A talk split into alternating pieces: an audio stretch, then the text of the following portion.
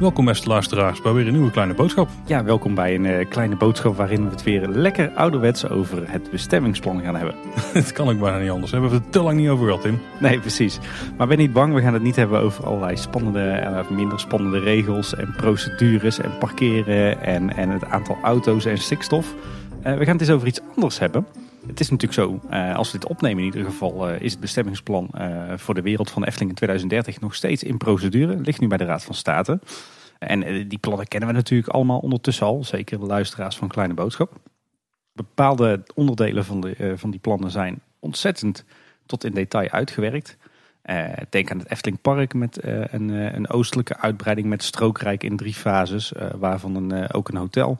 Denk aan de uitbreiding van het Sprookjesbos. Denk aan de omvorming van het hoofdparkeerterrein tot VIP-parkeerplaats. Uh, maar denk bijvoorbeeld ook aan alle wegen rond het park, het parkeren. Dat is allemaal heel erg concreet uitgewerkt. Um, maar er zijn ook een aantal onderdelen van dat bestemmingsplan, of eigenlijk van het masterplan van de, uh, voor de wereld van de Efteling in 2030, die minder concreet zijn uitgewerkt. En dat zijn vooral de gebieden die ten westen van het hoofdparkeerterrein van de Efteling liggen. Daar is de Efteling eigenlijk heel erg geheimzinnig over. We weten niet veel meer dan dat daar dagrecreatie gaat komen. Maar wat dat nou betekent, uh, wordt dat nou een uitrijk? Wordt het een second gate? Uh, hoe gaat het er dan uh, uitzien? we hebben al wel wat geruchten gehoord over de onderhandelingen die er zouden zijn geweest met Legoland, dus met Merlin Group of met Puy Maar wat er nou werkelijk aan de westzijde gaat komen, dat weten we niet. Ja, recent hebben we natuurlijk ook nieuws gehoord dat het Efteling Golfpark in uiterlijk 2034 gaat verdwijnen. Dus ja, dat hebben we dan ook een hele lap grond. Daar moet ook nog iets mee gebeuren.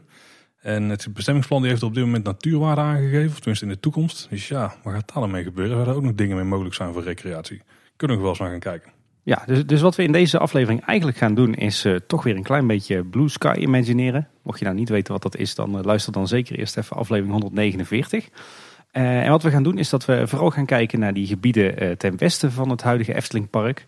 Uh, wat, wat, ga, wat kan daar nou plaatsvinden? Wat kan er wel, wat kan er niet? Uh, wat zou er wat ons betreft moeten gaan gebeuren? Moet er wel of niet een second gate komen? Misschien wel een third gate, wie zal het zeggen? Dus, dus we gaan echt even kijken naar dat gedeelte van de wereld van de Efteling. En ik noemde het eerder al Blue Sky Imagineering, maar misschien dat uh, op dit schaalniveau dat we het wel meer eerder masterplanning zouden kunnen noemen. Ik denk dat de, de spijker meer op de kop raakt, ja. Ja, sluit ook mooi aan bij het masterplan Wereld van de Efteling 2030, dat ze heel veel jaartjes geleden uh, gepubliceerd hebben. Maar Tim, we gaan het niet alleen doen, hè? Want we kunnen er met z'n tweeën uiteraard heel lang over kletsen. Daar kan ik je garanderen. Maar het leek ons leuk om hier met de gasten over na te denken. En we hebben twee mensen uitgenodigd. We gaan het namelijk samen doen met Efteling-liefhebbers en pretparkliefhebbers Danny en Niels. Danny en Niels, welkom een kleine boodschap. Ja, ja, ja, daar gaan we weer. Ja, leuk. Daar zijn we weer.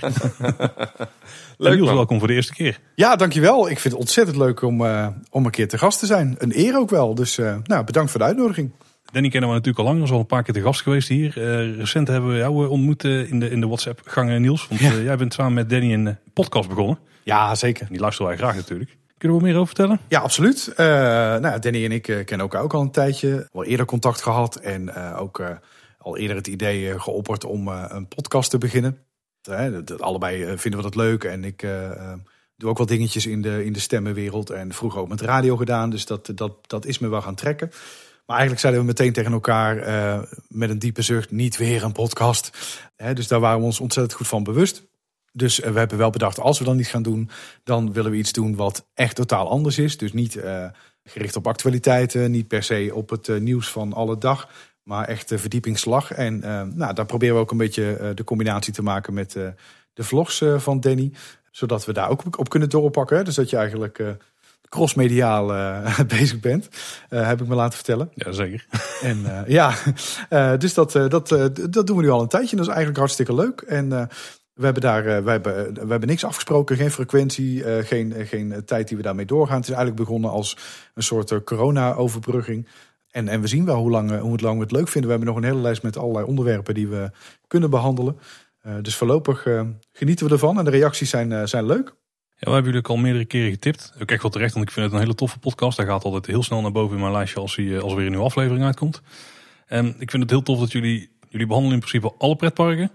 En jullie eh, bespreken dan vooral onderwerpen erover. Dus niet eens per se het nieuws. En ik denk dat dat jullie wel eh, uniek maakt. Want we doen er eigenlijk niet zo heel veel. Ja, Ochtend in Pretparkland doet het af Ja, toe. zeker. Maar jullie gaan in sommige gevallen zelfs misschien nog meer niches. Zoals bijvoorbeeld een aflevering over het land van ooit. Of over wat is nou een stadspretpark en hebben die in Nederland. Ja, het, het leuke daarvan is ook dat we daar best wel veel reacties op krijgen. Dus we hebben nu een hele leuke reactie van eh, een luisteraar. Waarvan we eigenlijk kunnen zeggen, we kunnen wel bijna een tweede aflevering over het land van ooit gaan opnemen. Dus ehm, ja, dat is wel heel tof. En ik, ik, weet je, ik maak heel veel video's. Ehm, daar krijg je heel veel eh, korte reacties op. Maar ik vind het wel leuk dat je bij podcasten de mogelijkheid krijgt ook om echt lekker op te reageren, om er goed naar te luisteren. En dat, dat doe ik ook bij jullie wel eens. Hè. Kleine boodschap krijg regelmatig van mij wel eens een, eh, een berichtje. eh, via een of andere medium. Maar dat is wel lekker, weet je. Je kunt wel even inhoudelijk op iets doorgaan. En dat is wel iets wat, eh, niet, ja, wat je niet hebt bij vlogs. En Danny, jij bent recent ook nog een nieuw project begonnen hè, naast Eftelflex. Ja, ik vraag me soms af waar ik al die tijd vandaan haal. Dat is ongelooflijk, jongens. en dan moet ik ook nog al jullie podcasten luisteren. Ja, nee, eh, Ja, sorry. nou, wat ik heel erg miste op YouTube ehm, een hele lange tijd geleden was... laten we nou eens echt naar de, de pretparkwereld kijken... maar dan de wereld die daarachter zit. Laten we eens naar de science, de wetenschap kijken... die de pretparken mogelijk eh, maakt. En we weten allemaal wel hoe verschillende elementen in achtbanen heten... of hoe ze, eh, of hoe ze werken... Maar hoe wordt dat nou berekend? Wat is daar de natuurkunde achter? En dan denk je van ja, natuurkunde is saai. Maar dat is de basis van ons pretparkbezoekje. Dus ik ben een, eh, nou eigenlijk met een hele groep is het uiteindelijk geworden. Samen met de Universiteit Twente. Samen met eh, een productiebureau Vinet eh, zit daarachter. Met ook met drone shots en alles. Slagharen werkt eraan mee. Eh, ik doe eraan mee en het heet eh, Theme Park Science. En ehm, ja, we gaan hier dus echt de wetenschap uitleggen. En we noemen het ons eigenlijk ook wel de pretparkuniversiteit van Nederland. Kijk, Tof. dat is een mooie slogan. Ja, dat is een mooie slogan. Ik hoop dat het werkt. Kijk, het is spannend. We hebben de trailer online gezet. Er zijn heel veel leuke reacties op gekomen. En ik zeg eigenlijk, vind je natuurkunde nou interessant? Dan ga je het zeer zeker waarderen. Vind je het wat lastig te begrijpen? Dan ga je hele gave shots zien. En misschien krijg je wel een paar keer zo'n oh ja momentje. Eh, ik ga één spoiler geven en dan moeten we snel door naar het onderwerp van vandaag. Maar we hebben dus een G-krachtenmeting gedaan met de TUF Nederland. TUF Nederland verantwoordelijk voor de keuringen van alle attracties. Dus ook dadelijk van Max en Moritz. Eh, en die doen dus verschillende metingen aan die achtbaan. En wij mochten een keer meelopen met een G-krachtenmeting op de Gold Rush in Slagharen. En we weten allemaal dat het gebeurt. We weten allemaal ook wel een beetje wat G-krachten zijn. Maar wat ze nou precies doen... Bijvoorbeeld, eh, de type beugel wordt bepaald aan de hand van die meting. Kijk eens aan. Dat is een cliffhanger, hè? Oeh. Ja, nou, de meeste mensen hebben die aflevering mogelijk al gezien. Want deze aflevering nemen we vroeg op. En hij komt pas over een, volgens mij middel een maand uit of zo. Dus ik denk, misschien hebben de meeste mensen al gezien. Dus hebben we nu, zijn nu spoilers aan het geven voor het verleden. Mooi hè? Ja, nou ja, ik we vind zien het wel. Hey, maar super initiatief, eh, Danny. Eh, we hebben het al gehad nu over jullie eh, podcast Team Parks on Stage, over eh Team Park Science. Maar we noemden net ook al even jouw vlogs. Eh, voor de mensen die onder een steen hebben gelegen. Eh, Danny, vlogs, vertel. Oh, echt waar? Ja. Ja, het ooit begon als een hobbyprojectje Eftelflex. Ehm, ja, daar vlog ik ook al mijn bevindingen in de pretparkwereld. Het is soms lastig om overal bij te zijn, elk nieuwtje te pakken. Dus ehm, ik maak altijd verslagen van mijn dag. En dan eh, laat ik al het nieuws zien wat ik eh, die dag meemaak. Dus is eh Eftelflex op YouTube. Maar ik denk toch dat de meeste luisteraars dat wel kennen. Dat zijn zeg maar de, de, de media die jullie maken. Maar even eh, voor, voordat we inderdaad echt richting het hoofdonderwerp gaan. Ehm, wat, wie zijn jullie? Wat, wat hebben jullie met, eh, met pretparken en specifiek met de Efteling? Want we hebben jullie natuurlijk niet voor niks hier aan tafel gevraagd. Eh, Wie ben ik? Nou, ik ben, ik ben Niels, eh, 35. Eh, ik ben in het dagelijks leven manager service en dienstverlening bij een woningcorporatie. En daar dus elke dag bezig met klantbeleving. Zorgen dat in alle processen binnen de organisatie onze bewoners eh, centraal staan. Dat is even heel, eh, heel kort uitgelegd, maar dat is waar ik me mee bezig hou. Ongeveer een team van eh 65 man eh, waar we dagelijks mee aan de slag zijn. En eh, daarnaast mijn eigen bedrijfje, voice-overs eh, onder andere, die ik inspreek. Dus dat doe ik eh, vanuit huis, kleine studio. Ik vond je als een goede stem hebben. Ja, nou dankjewel. Ik, ben, ik woon nu in Rotterdam, maar ik woonde altijd eh, tot een paar jaar geleden in, eh, in Brabant. En eh, daar ga ik ooit ook wel weer naar terug. Maar eh, eh, Kijk, nu- zo mogen we het horen. ja, ja dat, dat is wel dat de conclusie die je trekt als je dan aan deze kant van de rivier zit. Dat, het is hier hartstikke leuk, maar het blijft toch, eh, nou ja, het Brabantse hart blijft erin zitten. Ja, en eigenlijk al, al ja, opgegroeid. Ik heb altijd in, nou, het grootste gedeelte van mijn leven in Dongen gewoond. Dus zo ongeveer de achtertuin van de Efteling. Ja, als lang als ik me kan herinneren, abonnementhouder. als kind begonnen met mijn ouders. meerdere keren per week soms. Eh, daarna toen ik wat, eh, wat ouder werd eh, met vrienden. op de fiets naar de zomeravonden. om één uur met de brandslang het park uitgebonjourd worden. Echt, nou ja, tot, tot in de late uurtjes rondgehangen daar. Nou ja, weet je, en dan groei je op en dan, dan wil je dat ook weer delen met je partner. En uiteindelijk nu met, met mijn kinderen. Ik heb twee dochtertjes van drie en vijf. Waar- Waarmee ik ja, gewoon zo vaak als mogelijk ook in, in het park te vinden ben. En ja, ik vind mezelf een liefhebber. Mijn vrouw die, die, die vindt me een freak. Die vindt echt dat ik er veel te ver, veel te ver ga. Ehm, hè, ik vind, ik vind het ook wel leuk om wat dingetjes te verzamelen. Maar niet, hè, niet, niet echt eh, heel breed. Maar eh, bijvoorbeeld, eh, nou, ik heb onlangs nog een programmaboekje eh, uit 1960 op de kop weten te tikken. Dat vind ik echt heel erg leuk om te hebben. Oude krantenartikelen. Ik ben niet zo van de beeldjes en dergelijke. Ja, en ik hou natuurlijk alles goed op de hoogte. Dus ik ben een trouwe luisteraar van jullie elke week. Nou, ik zet jullie eh, op mijn beurt dan weer altijd heel hoog in het lijstje. Eh, en daardoor verdwijnen de anderen weer naar beneden. Dus dat doe ik trouw. Eh, ik kijk natuurlijk de vlogs van Danny. eh, en ik eh, nou, hou me op diverse fora ook op de hoogte van... nou, zo ongeveer elke steen die gelegd wordt. zo omschrijft mijn vrouw het dan meestal. Eh, ja, weet je, en, en voor mij is de Efteling gewoon het, het park. Kan er met een blinddoek doorheen. Ik weet alles te vinden. Ehm, ja, het is gewoon liefhebberij. Kijk, ik, eh, ik hoor tot nu toe alleen maar hele herkenbare dingen. Ja. En, en volgens mij ben ik jou ook wel eens eh, eh, tegengekomen op Teampark. En ook wel eens Ja. tegengekomen op Efteling beurzen. Dus, en zo kruist ons pad zich weer. Ja, zeker. Nee, absoluut. Ik draag ze een heel warm hart toe. En vooral ook een heel groot gedeelte van mijn portemonnee. Ook al herkenbaar. Hey, en Danny, hoe zit dat bij jou? Ja, nou, ik denk dat eh, zo'n in 2000 mijn hobby begon in Six Flags. Omdat die natuurlijk zo'n reclamecampagne hadden gestart in Europa. En, ehm, en vooral in Nederland. En toen dacht ik van, goh, dat is wel interessant, zo'n pretpark. Alleen, toen had ik ooit een meeting, ik weet dat nog heel goed, met eh, teampark.nl.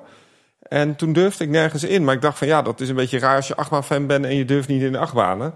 Dus ik heb me toen letterlijk eroverheen gezet. En toen ont, je wikkelde er eigenlijk een hobby. En toen kwam je erachter van, ja, Six Flags was natuurlijk dan mijn nummer één park op dat moment. Maar dan kom je erachter dat in Kaatsheuvel toch ook wel een aardig parkje ligt. En zo eh, is de liefde ook bij de Efteling begonnen. En dat is voor mij de Efteling ook wel. Het is altijd een beetje dat thuiskomen gevoel. Hè? Het is, je, je loopt even in die natuur en... Voor mij is een ideaal dagje Efteling met vrienden gewoon ergens zitten, lekker genieten, af en toe een attractie doen.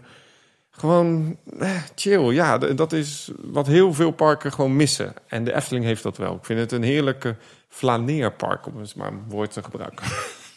Klinkt mooi, ja. Klinkt mooi. Hey, goede introductie. We weten nu allemaal eh, wie jullie zijn en waarom jullie hier aan tafel zitten. Dan denk ik dat we eens, eh, ons eens gaan richten op de hoofdvraag van vandaag.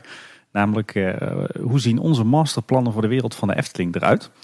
Zoals gebruikelijk bij Kleine Boodschap gaan we er niet helemaal eh, onvoorbereid in. Maar hebben we wel eh, wat kleine regeltjes en richtlijnen onszelf opgelegd om er toch een beetje structuur in aan te brengen. Eh, want wat gaan we doen met onze masterplannen? We gaan ons deze keer niet richten op de hedenwereld van de Efteling. Dat deden we bijvoorbeeld in onze aflevering Dromen over 2030. Eh, een hele oude aflevering trouwens inmiddels alweer. Maar we gaan ons focussen op drie plangebieden in de wereld van de Efteling. waarvan de invulling op dit moment nog opvallend vaag is in alle plannen die de Efteling heeft eh, gepubliceerd. Dus eh, let op mannen. Het eerste gebied is eh, zo'n beetje het huidige vak KLM. Dus zeg maar de, de, de overloopparkeerplaats. Die ligt, voor wie meekijkt in Google Maps, tussen de Kinkerpolder, de Eftelingse straat, de Europalaan en de Dodenauweg. En de huidige bestemming die daarop zit in het huidige bestemmingsplan, dus in het oude bestemmingsplan, is parkeren. En in het bestemmingsplan Wereld van de Efteling 2030 krijgt dat de bestemming dagrecreatie. En als je dus niet op Google Maps zit mee te kijken, dat is een parkeerterrein waar je naartoe wordt gestuurd als je niet op het hoofdparkeerterrein komt te staan. Wat nu allemaal geasfalteerd is. Ja, precies, dat stukje. Ja. Ja. Dan het, eh, het tweede plangebied is zeg maar grofweg eh, het huidige vak O. Dus echt het overloopparkeerterrein voor een gras, waar je op de extreem drukke dagen wordt neergezet. Dat is bij de brandweer dan, hè? Met zeg maar alle achtergelegen weilanden. Die zijn allemaal nog van de Efteling. Dus dat is zeg maar als je meekijkt op Google Maps eh, tussen de Europalaan, de Eftelingse straat, eh, de Dodenauweg en de Dreefseweg. Dat is echt een enorm gebied. Ja, het is wel even goed om mee te nemen dat in het rechterbovenhoekje, daar ligt, als je tenminste op Google Maps kijkt, dan ligt, het, daar ligt de brandweer. En daar ligt nog een klein stukje weiland ten zuiden van. Dan kun je wel ongeveer zien waar die lijn loopt op Google Maps. En die zit nog wel bij eh, de brandweer op dit moment. Of in ieder geval, die is niet van de Efteling. Nee, en daar de huidige bestemming daarvan is agrarisch. Het is wel in eigendom van de Efteling, maar ze hebben dat verpacht aan, aan boeren. En de bestemming die het krijgt in het bestemmingsplan Wereld van de Efteling 2030 is voor ongeveer driekwart dagrecreatie. En voor een kwart het, het uiterste achterste deel parkeren. Alhoewel, het is wel zo dat het gedeelte wat als bestemming dagrecreatie is, mag ook gebruikt worden voor parkeren. Maar in principe krijgt dus ook dat de bestemming dagrecreatie. En het derde en laatste plangebied waar we het vandaag over gaan hebben is eigenlijk het, uh, het huidige Efteling Golfpark. Wat dus in 2034 eh, uiterlijk uh, gaat stoppen. de huidige bestemming is voor een deel sport. Wat natuurlijk logisch is omdat er golf beoefend wordt. En voor een deel natuur. En dat blijft vooralsnog in het bestemmingsplan 2030 gewoon zoals het nu is. Maar de aankondiging dat ze daarmee wilden gaan stoppen op zijn laatst in 2034, die stonden nog niet in het bestemmingsplan. Die zijn ook van daarna. Die zijn van daarna inderdaad. Toen lag het al bij de Raad van State zelfs. Ja, een paar dingen waar we ook vanuit kunnen gaan is wat met het huidige Eftelingpark gaat gebeuren, wat er al ligt. Er wordt sowieso aan de oostzijde een uitbreiding gedaan. Daar weten we al van dat daar in ieder geval een reisrijk uitbreiding bij komt. Uh, in het bestemmingsplan lezen we ook dingen over dat uiteraard in het zuidelijk deel ervan iets gaat gebeuren wat aan Ruigrijk ligt. Dat er eventueel ergens een hotel kan komen en ook het uh, stukje wat daar eigenlijk van de oude directiewoning. Dat stukje wordt er ook bijgetrokken. Zou een mooie plek zijn voor een hotel. En als je voor het Huis van de Vijf Zintuigen staat, dan heb je het hoofdparkeerterrein, dus P1. Die heeft een lange en een korte kant. En een deel van de korte kant die wordt bij het Sprookjesbos getrokken. Ook dat was wel heel duidelijk in de plannen. En dan zou dan mogelijk op het hoofdterrein een soort VIP-parkeren of zo komen. Want we krijgen natuurlijk een heel groot parkeerterrein daar in het westen. Maar ook P1 zal voor een deel blijven, want daar zou dan in ieder geval VIP-parkeren komen. En ik kan me voorstellen dat ze daar misschien ook uh, gehandicaptenplaats of zo uh, houden. En we hebben uiteraard het Efteling Hotel, we hebben Bosrijk en het Loonsland. En die blijven gewoon liggen waar ze liggen. Dus die, eh, die hebben we ook nog wel mee te nemen in het geheel. Ja, en zeg maar de, de scope van de plannen uh, tussen aanhalingstekens is tot ongeveer 2050. Uh, dus niet dat je denkt van joh, het moet, alles wat we hier nu vanavond bedenken, moet binnen nu en tien jaar gerealiseerd kunnen zijn. Want dat gaat toch niet gebeuren. We moeten daar wel realistisch in zijn. Dus we, we hebben het vandaag over een soort toekomstbeeld voor 2050. Ik verwacht ook wel dat dat in de praktijk zo lang gaat duren voordat al die gebieden zijn ontwikkeld. Minimaal tot 2050. En uh, ja, verder zijn er eigenlijk geen spoilregels. Hè? Want uh, masterplanning is toch ook een beetje blue sky imagineering zo gezegd. Uh, maar dan op een veel groter schaalniveau en met een wat grotere abstractie. Op zich, het hoeft niet technisch, procedureel en financieel haalbaar te zijn. Het is wel een pre natuurlijk, maar het hoeft zeker niet in deze aflevering. Wat wel interessant is aan dat hele plan, hè, wat je net zei Tim, is um, dat een drie vierde gedeelte is zo'n dagrecreatie. En dan een, een, een, een vierde gedeelte is parkeren. En ik vind dat altijd wel interessant om ook te kijken, oké, maar hoe zijn die gebieden nou opgedeeld? En um, een van die parken waar dat ook heel erg zichtbaar is, dat is Movie Park Germany. Ik weet niet of jullie daar wel zijn geweest, zal wel denk ik natuurlijk. Ja, zeker. Guilty pleasure. Ja, het bijzondere daarvan, uh, dat park was tijdens de bouw van Star Trek. Die staat in drie of vier verschillende deelgebieden. Dat betekent dus dat um, een deel van de tophead mag niet boven de, ik zeg maar even een getal, ik dacht 30 meter komen. Uh, maar de, de, de, de rest van de baan die mag dan weer niet boven de, ik zeg maar 20 meter komen. Maar de, de, de spike achter, die staat dan weer net op een deelgebied waar dus wel hoger gebouwd mag worden. dus die, die achtbaan die heeft een hele rare layout. Maar dat is dus helemaal aangepast omdat dat park verdeeld is in vier deelgebieden. En ik vind dat altijd wel heel interessant dat dat ook een stukje ja, engineering is, een stukje ontwikkeling is waar wij als fans nooit zo heel veel van weten. En het toffe is van die plannen, dat jullie dat ook uitvoerig in al die podcasten uitleggen, is dat jullie heel specifiek zeggen: ja, maar wacht even. Het Efteling Golfpark, natuurlijk zouden we daar een bungalowpark kunnen bouwen. Maar let op, het heeft nu als bestemming uh, gedeeltelijke sport.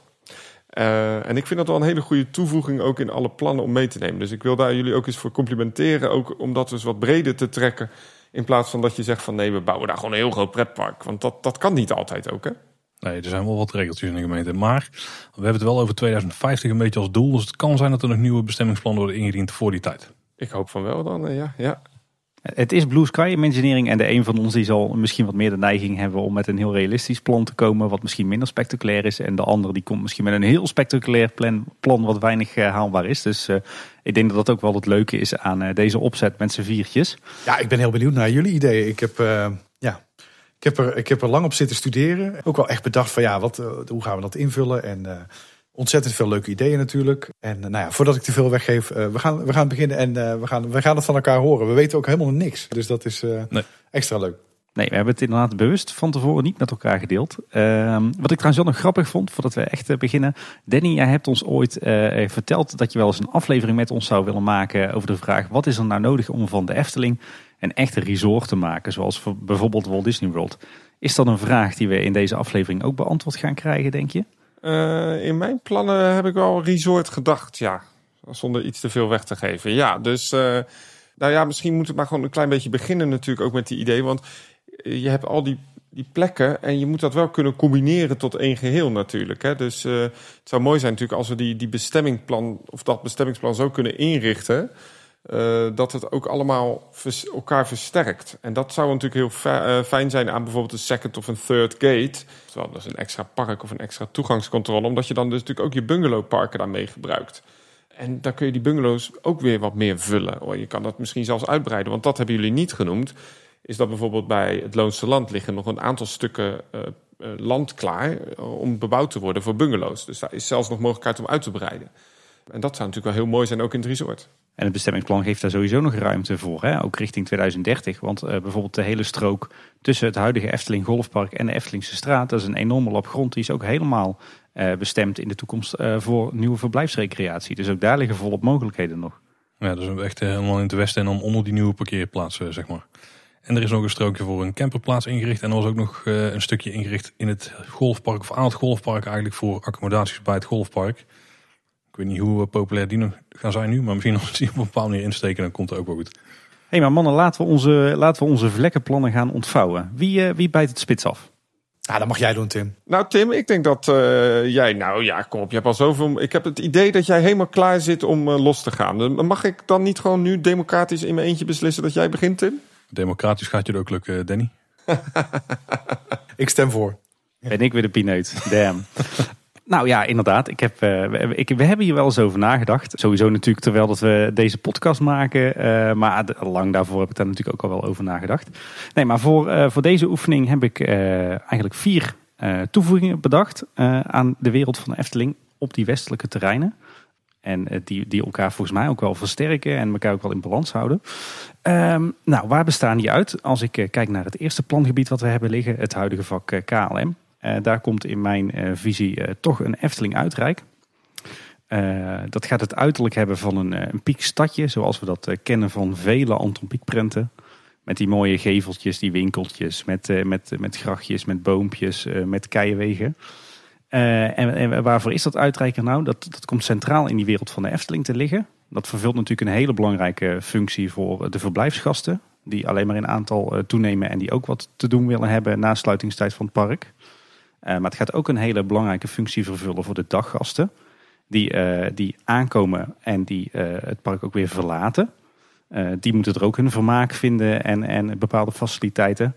En ten derde gaat het ook een regiofunctie hebben. Dus ook mensen die, die niet per se in de Efteling zelf of in een eventuele second gate hoeven te zijn.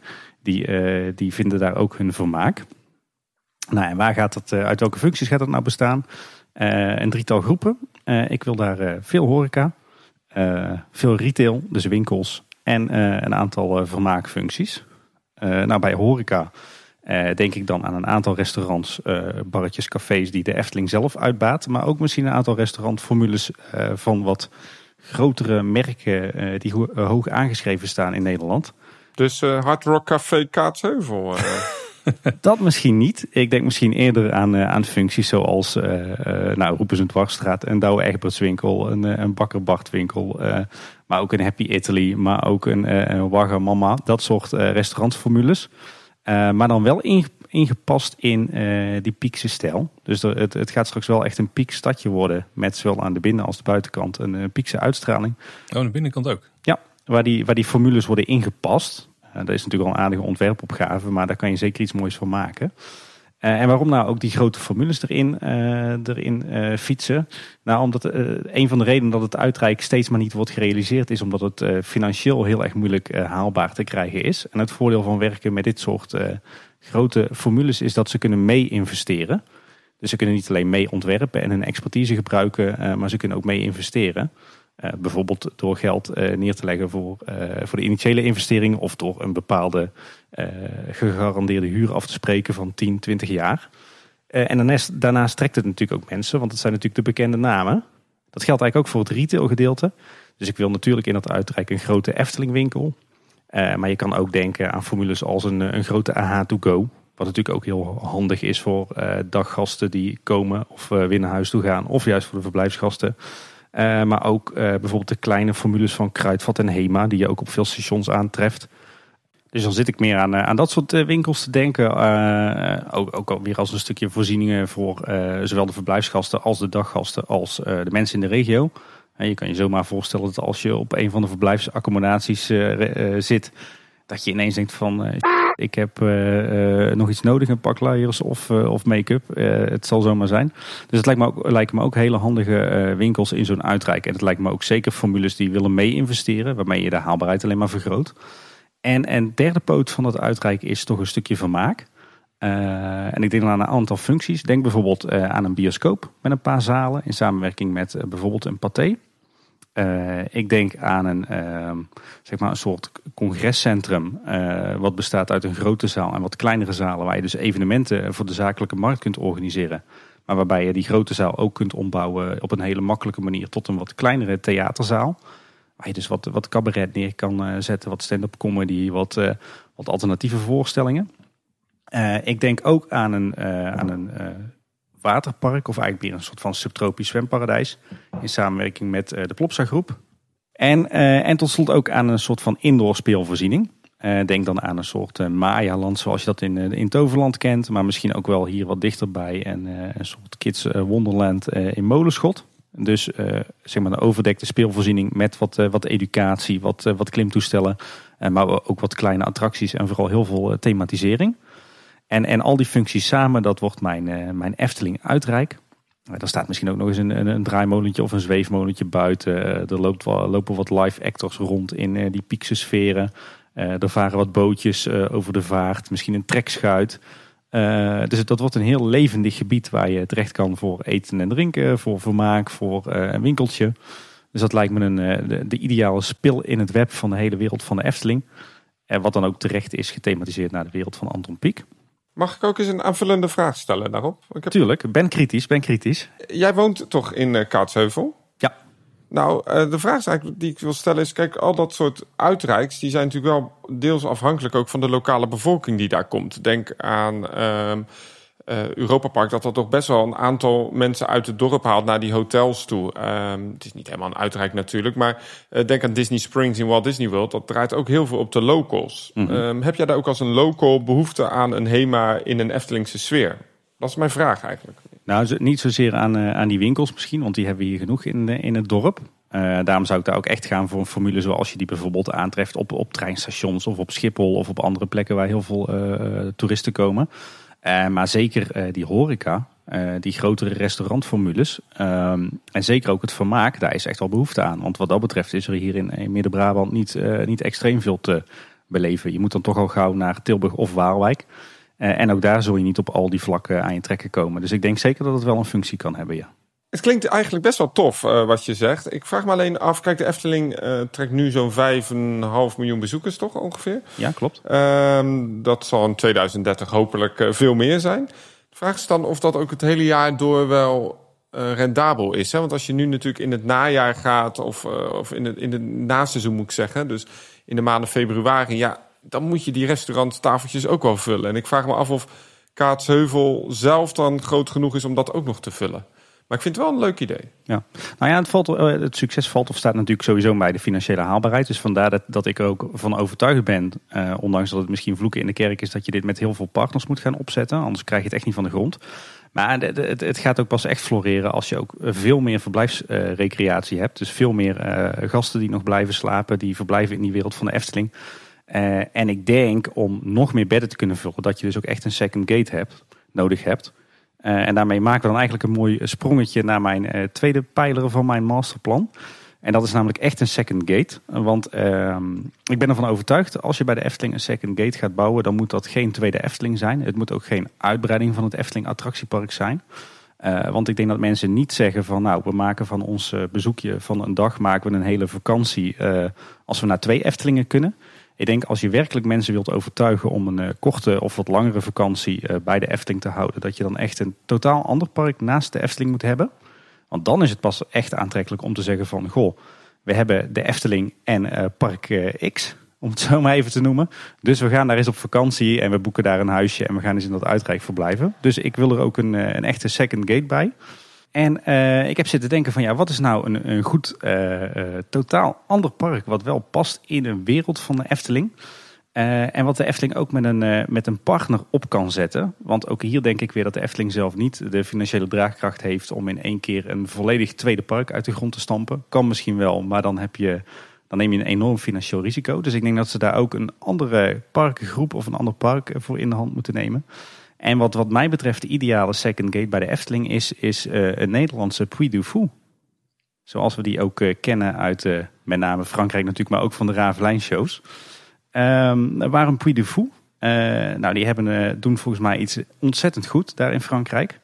ze hebben ook internationale ambities. Volgens mij hebben ze recent een park in Spanje geopend. En uh, hun banden met de Efteling zijn natuurlijk al heel erg nauw vanwege de samenwerking met uh, voor Ravelijn. Maar we weten ook dat er een Puy du Fou International is opgericht. Dat kantoor houdt in Kaatsheuvel. En we weten dat er in het verleden gesprekken zijn geweest met Fou over een eventuele second gate bij de Efteling. Dus mijn visie is, jongens, we moeten doorpakken. En dan moet Fou Nederland komen. En die zou ik dan neerleggen zeg maar op het gebied bij of achter de brandweerkazerne. Dus waar nu vak O is. ongeveer zeg maar eh, de helft van dat, eh, dat gebied waar, wat we daar straks hebben beschreven. Dus helemaal tot aan eh, de Dreefse weg.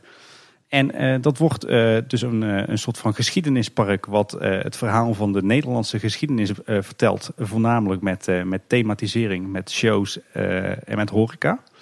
En ik heb een aantal periodes in gedachten. je zou bijvoorbeeld kunnen denken aan een klein gedeelte over de prehistorie. Dat is volgens mij een heel tof thema voor een grote natuurspeeltuin voor de kids. Je kan ook denken aan een Romeins stadje met een amfitheater, aan een, eh, een grote middeleeuwse stad. Uh, maar wat bijvoorbeeld ook leuke thema's zijn uit onze historie zijn uh, natuurlijk de 80-jarige oorlog. En met de Spanjaarden, denk aan de beeldenstorm, de Inquisitie. De Gouden Eeuw met de VOC, met Nederlands-Indië. Ehm, maar misschien ook toch wel. Ja, maar dan krijgen we weer die slavernij-discussies en die racistische discussies. Ja, ik zie hem al komen. Nou ja, daar, Kan, daar, kan ik, daar, daar, kan ik nog wel wat over vertellen. Maar ik denk bijvoorbeeld ook aan de Tweede Wereldoorlog en, en de watersnoodramp. Dat zijn volgens mij allemaal thema's uh, in onze geschiedenis die iedereen aanspreekt. Waar iedereen ook wat van vindt en wat van weet. En wat ook bij uh, buitenlandse gasten uh, wel een aansprekende waarde heeft. En ik denk dat je daar zeker wat kan doen met, uh, met, met horeca, met thema, met shows. Maar misschien ook wel met wat meer attracties uh, dan Puy in Frankrijk heeft. Dus ik zie hier dan toch misschien een, een simulator, misschien een interactieve shooter, misschien een bootjesride. Um, uh, misschien een flying theater, een walkthrough, dat soort attracties. Dus dat wordt mijn second gate. En die komt dus eigenlijk aan de andere kant van het, het Efteling uitrijk te liggen. Nou, wat ik heel erg um, slim vind van jouw plan en wat jij helaas nog niet hebt benoemd, is uh, waar natuurlijk de Efteling volgens mij wel wat problemen mee heeft, is personeel. Um, alle horecapuntjes kunnen soms ook volgens mij niet altijd open omdat er gewoon te weinig personeel is. Kijk, wanneer je natuurlijk externe leveranciers gaat invliegen, uh, denk aan zo'n Wagamama of een McDonald's of wat dan ook. Die zijn ook dan zelf verantwoordelijk voor het, het vinden van personeel en het hele personeelsbeleid. En dat is natuurlijk voor heel veel pretparken op dit moment wel echt een, um, een hot issue. Kunnen we genoeg personeel krijgen? Dus dat zou dan eigenlijk zelfs nog ten voordele voor jouw plan zijn om wat meer met die externe partners uh, te werken natuurlijk. Ja, dat en, en de financiële haalbaarheid. En ik denk trouwens wel, want ik, ik hoorde de vragen alweer komen. Uh, ik sta natuurlijk in mijn uh, versie van Puy wel wat gevoelige thema's aan. maar ik denk dat je dat juist moet durven. Juist om bepaalde delen van onze geschiedenis die, die we echt niet mogen vergeten en waar we echt lessen uit, moet, uit moeten trekken uh, om die juist levend te houden. Ik denk dat, dat de Efteling daar ook best wel een taak, een rol in mag spelen. Dus ik denk dat je bij het ontwerp van dit park, en naast de ontwerpers van Puy de Fou en van de Efteling, ook bijvoorbeeld een, een of meerdere historici aan tafel moet halen. Een ethicus misschien wel. En voor een stukje storytelling bijvoorbeeld ook een, een echte regisseur en enkele scenario schrijvers. Uh, dat is denk ik ook geen overbodige luxe voor uh, projecten in het, uh, het Eftelingpark zelf. Maar, maar zeker voor zo'n Puy de de Nederlandse versie daarvan, denk ik dat je daar, daar gewoon een heel goed ontwerpteam voor moet formeren. Wat dus ook naar de ethische kwesties kijkt, ook naar de historische kwesties. En je moet ook niet bang zijn om, eh, om denk ik, de zwarte bladzijden eh, te laten zien over eh, het kolonialisme. eh, de manier waarop we met Nederlands-Indië zijn omgesprongen. eh, de, de Tweede Wereldoorlog in ons land. Ik denk dat je die juist in een wat meer educatief eh, eh, park ook wel aan mag snijden. En daarmee is het dan meteen ook een totaal ander park dan de Efteling zelf natuurlijk. Waar het veel meer historiserend fantasierijk is. Denk je dat het type park dat interessant genoeg is om de grote mast te trekken, om mensen over te halen om langer te blijven? Nou ja, dat blijkt denk ik wel uit het succes van eh, de Puy de Fou vestigingen die er al zijn, toch? Er is één vestiging, toch? Volgens mij hebben ze inmiddels in, eh, in Spanje ook al een Puy de Fou geopend. Ja, dat is een halfje, ja.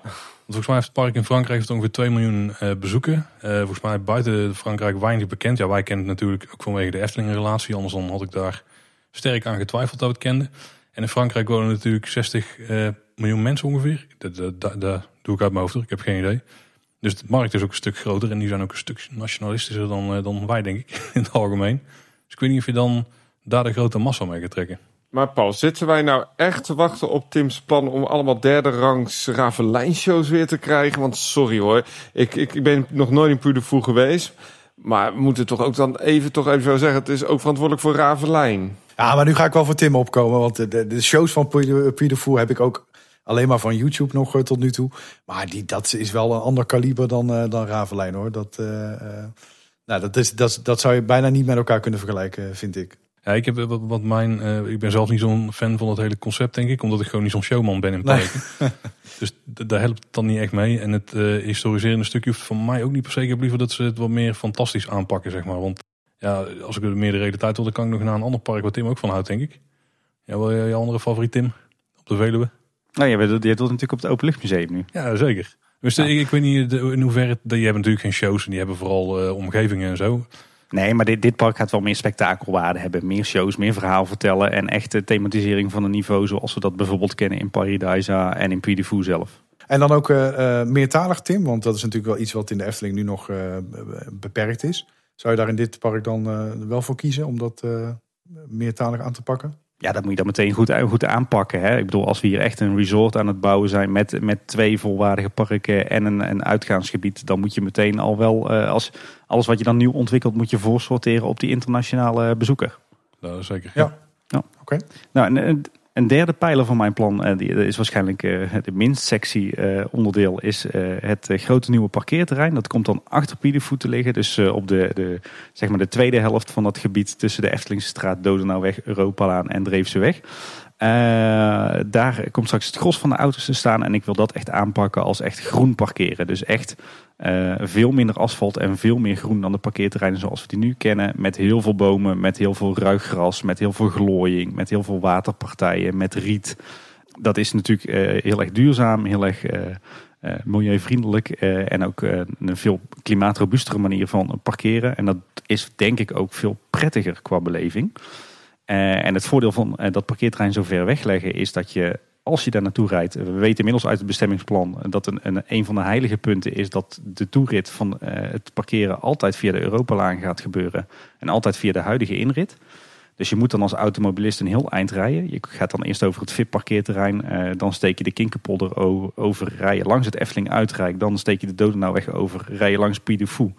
Eh, en dan kom je pas op dit parkeren in het groen. Maar het voordeel is natuurlijk wel dat je dan al die parken gezien hebt. En ook meteen getriggerd bent van, hé, hey, daar moet ik naartoe. Eh, en om al die mensen nou op hun plek te krijgen, eh, zit ik toch te denken aan een transportsysteem. En dat kan eh, via het water, via een soort schuitidee, zeg maar. Maar ik, ik denk dan zelf toch eerder aan een soort van elektrische tram. Zo van rond het jaar 1900. Eh, die dan een aantal stationnetjes aandoet op dat hele groene parkeerterrein.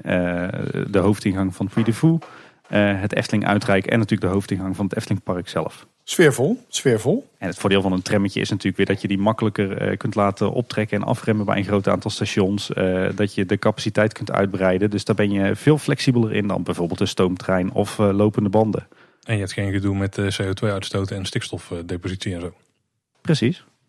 nou, en het vierde en, eh, vierde en laatste eh, deel van mijn plan is natuurlijk wat gaan we doen met het Efteling Golfpark. Eh, daar wil ik een, eh, daar wil ik een wildpark van maken. Denk dan aan eh, de Duitse wildparken. Denk misschien ook een klein beetje aan eh, de Hoge Veluwe. Ook een van mijn favoriete plekjes in dit land natuurlijk. Eh, hoe gaan we dat doen? We gaan gewoon alles weghalen wat met golf te maken heeft. We gaan al het groene gras gaan we lekker doorzaaien met, met ruiggras. We gaan alle hols gaan we gewoon lekker glad trekken. we gaan het geheel, houden we eigenlijk grotendeels zoals het nu is, maar maken we dan wat natuurlijker. Uh, we zetten er misschien wat Schotse hooglanders op. We zetten er uh, wat reeën in. We zetten er uh, wat damherten in, wat edelherten. Een schaapskudde, misschien wel wat wiesenten of zo. Allemaal diersoorten die hier in de, de vrije natuur min of meer zouden kunnen voorkomen. Welke centen zetten we erop? Wiesenten? Is dat van een Nintendo? laat maar Paul, laat maar. Daar begin ik nog niet eens aan. Nee, ik weet echt niet wat zijn. Wiesenten. Wiesenten, dat zijn een soort grote runderen. Nog groter dan, uh, dan Schotse Hooglanders. Nee, ik ben boerkier, maar ik heb er geen idee hoor. nou, het wordt dus een wildpark, dus het, heeft, eh, het ziet er gewoon uit als een natuurgebied. Uh, wij werken natuurlijk wel met wat afrastering, zodat je die dieren ook kunt zien. daardoor kun je het ook bezoeken natuurlijk als, als verblijfsgast. Uh, is het toch een soort van dierenpark, maar, maar, maar zeker geen dierentuin of zeker geen Beekse Bergen. Het is veel meer die natuurlijke kant met, met de diersoorten die daar op een natuurlijke wijze ook horen.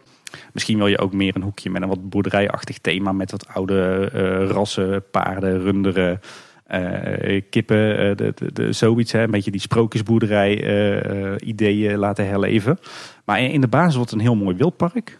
je zou het, het clubhuis van de golf zou je kunnen hergebruiken als een soort landhuis. Waar je wat kunt eten en drinken. En als een soort bezoekerscentrum. Maar je zou het ook kunnen slopen en iets kunnen herbouwen in stijl van bijvoorbeeld eh, het landhuis op Huis ter Heide of eh, Jachtslot Sint-Hubertus. Maar Tim, Tim, Tim, wat doe je me nu aan?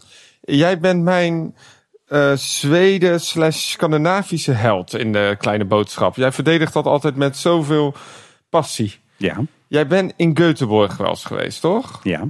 Daar heb je ze dus een stadspark met waar gewoon allemaal een, soort gratisachtig dierentuin, maar ook weer een stadspark in één. Slotskogen. Ja, dat, dat had je moeten zeggen. Oh, nou. Die Schotse, die hooglanders, die pak ik hier wel in Hoogvliet in Rotterdam. Uh. Mag ik eigen plannen geven, Danny? Ja, daar heb je wel een goed punt. Uh, maar goed, de, de, ik wil dat dus na, in ieder geval een beetje een combinatie natuur uh, met wat dieren. en een gedeelte van dat, van dat terrein, met name het gedeelte wat richting de Eftelingse straat gaat... Uh, daar ook wat meer extensievere verblijfsrecreatie ontwikkelen. Uh, denk dan aan uh, die camperplaats die er moet komen, maar dan wat aantrekkelijker dan hoe dat die nu in de plannen staat. ik zie daar ook echt wel ruimte voor een, een, camping met misschien wat, wat hoe heet die dingen van die safari tenten van het glamping. maar misschien dat we ook wel één of meerdere landhuizen willen hebben die passen op zo'n landgoed. denk bijvoorbeeld dus weer aan het landhuis op landgoed Huis ter Heide wat daar, daar vlakbij ligt. wat natuurlijk ideaal is voor de wat grotere groepen.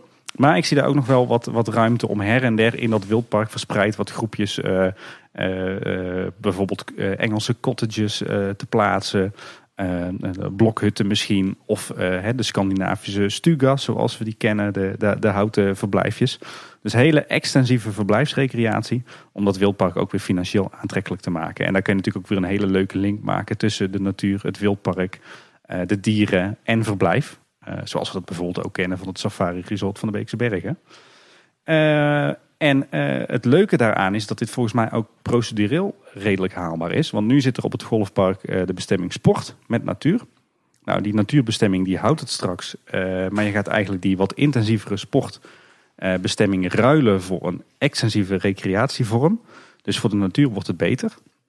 En bovendien door het golfpark her, te herinrichten naar natuur eh, creëer je ook weer een soort van uh, ecologische verbindingszone tussen enerzijds het natuurgebied Huis ter Heide en anderzijds uh, de Loons en Duinen.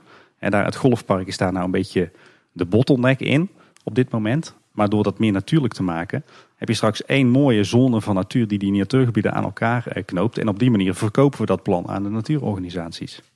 Kortom, het wordt er voor natuur en milieu allemaal beter van. Ah, ik zou bijna tekenen bij het kruisje.